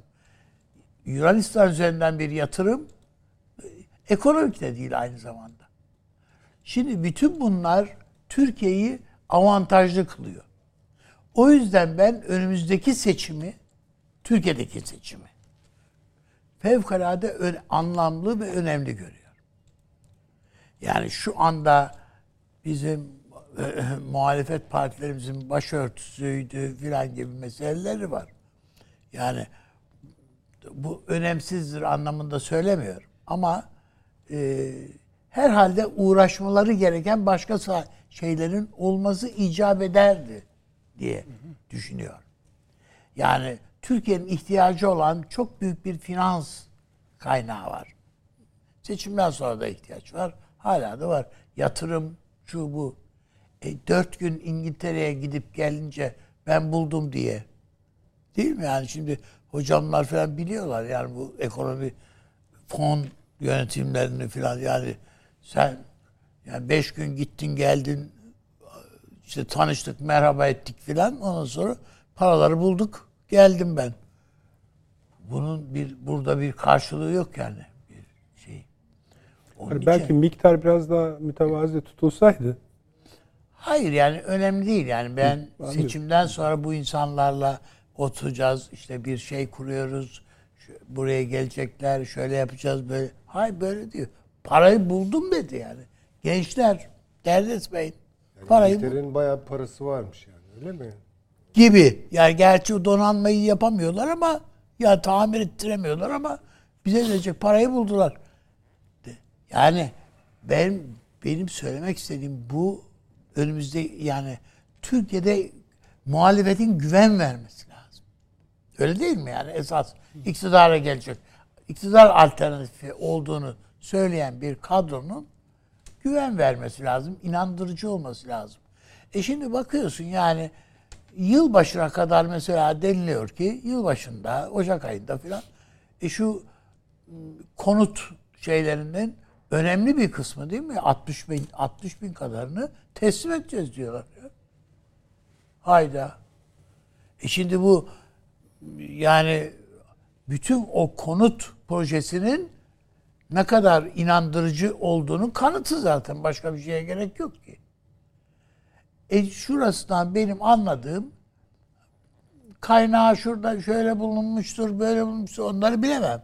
Ama yani ekonomik açıdan doğruyu yanlışı gökten para yağacak yani açıkçası. Şimdi bu asgari ücret, ondan sonra sosyal yardımlar, şunlar bunlar bir bakıyorsun yani e, bunların hepsi bir iktidar partisini bütün yaşadık yaşanılan olumsuzluklara rağmen ki olumsuzluklar dediğimizde işte Türkiye'deki tek o büyük rahatsızlık enflasyon öyle değil mi? Yani, Evet. ha, bütün bunlara rağmen insanlarda farklı düşüncelere e, kulak kabartma ihtiyacını doğurur. İyi de yani bu bu işleri kim çözecek? Bir vesileyle e, zannediyorum anlatmıştım. Ama tekrar söyleyeyim. kısa abi. Rahmetli Sü- e, Süleyman Demirel seçim yasak yani şeyler siyasi yasakları kalkınca 12 Eylül'den sonra partisinin başına geçti. Seçim kampanyası yapıyor. İşte Özal var. O zaman ANAP var. Özal var. Doğru Yol Partisi'nin başında. Süleyman Demirel. Biz de gezilerine katılıyoruz yani. Hiç unutmuyorum yani e, Ege'de bir mitingde çok büyük kalabalıklar var. O zaman insanların canı nereden yanıyor? KDV'den yanıyor. Yüzde on sekiz bütün fiyatlar bir anda artmış. Özal dayandıkça dayanmış. Yani evet serbest hale getirmiş. İşte piyasada Nescafe bulunuyor, bilmem dolar bulunuyor bol bol, bilmem ne. Her şey var. Yabancı sigaralar ganimet. yani ya bütün o şey, adamın başına işte o kaçakçılar, maçakçılar hapı yuttular falan. Süleyman Bey kürsüde diyor ki efendim bu yabancı istilasını bu yani bizim tütün üreticimizi mahveden şeyleri filan kim bunları başınıza getirdi? Kitle kalabalıklar bağırıyor. Özal. Bu KDV denilen belayı başınıza kim sardı?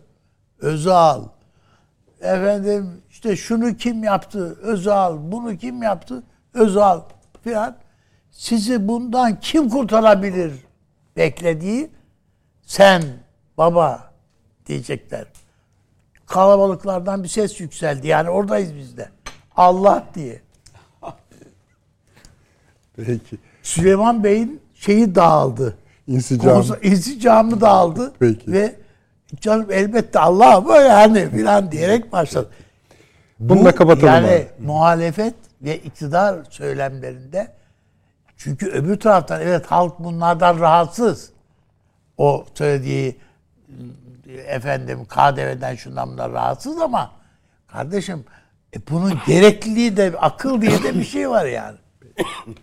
Teşekkür Onun ediyorum. için yani tutarlı olmak muhalefetin veyahut da iktidar adı alternatifi olduğunu söyleyen kadronun da akılla bağdaşır şeyler Teşekkür ederim. lazım. Ee, Türk Devletleri Teşkilatı zirvesi salıya kalacak ama aynı zamanda efendim G20 zirvesiyle birleşmiş olacak. İki tane büyük zirveyi aynı anda değerlendireceğiz. Birisi canlı olmak üzere. Biraz önce de Beyaz Saray bir açıklama yaptı. Pazartesi günü bu zirve vesilesiyle Biden ilk defa e, oluyor bu. Şeyle bir araya geliyor. Çin Devlet Başkanı'yla. Arada bir görüşme ilginç değil mi? Onu da değerlendireceğiz efendim. Çok açtık süremizi. İyi geceler diliyoruz. Salı 20.45'te yine birlikteyiz inşallah.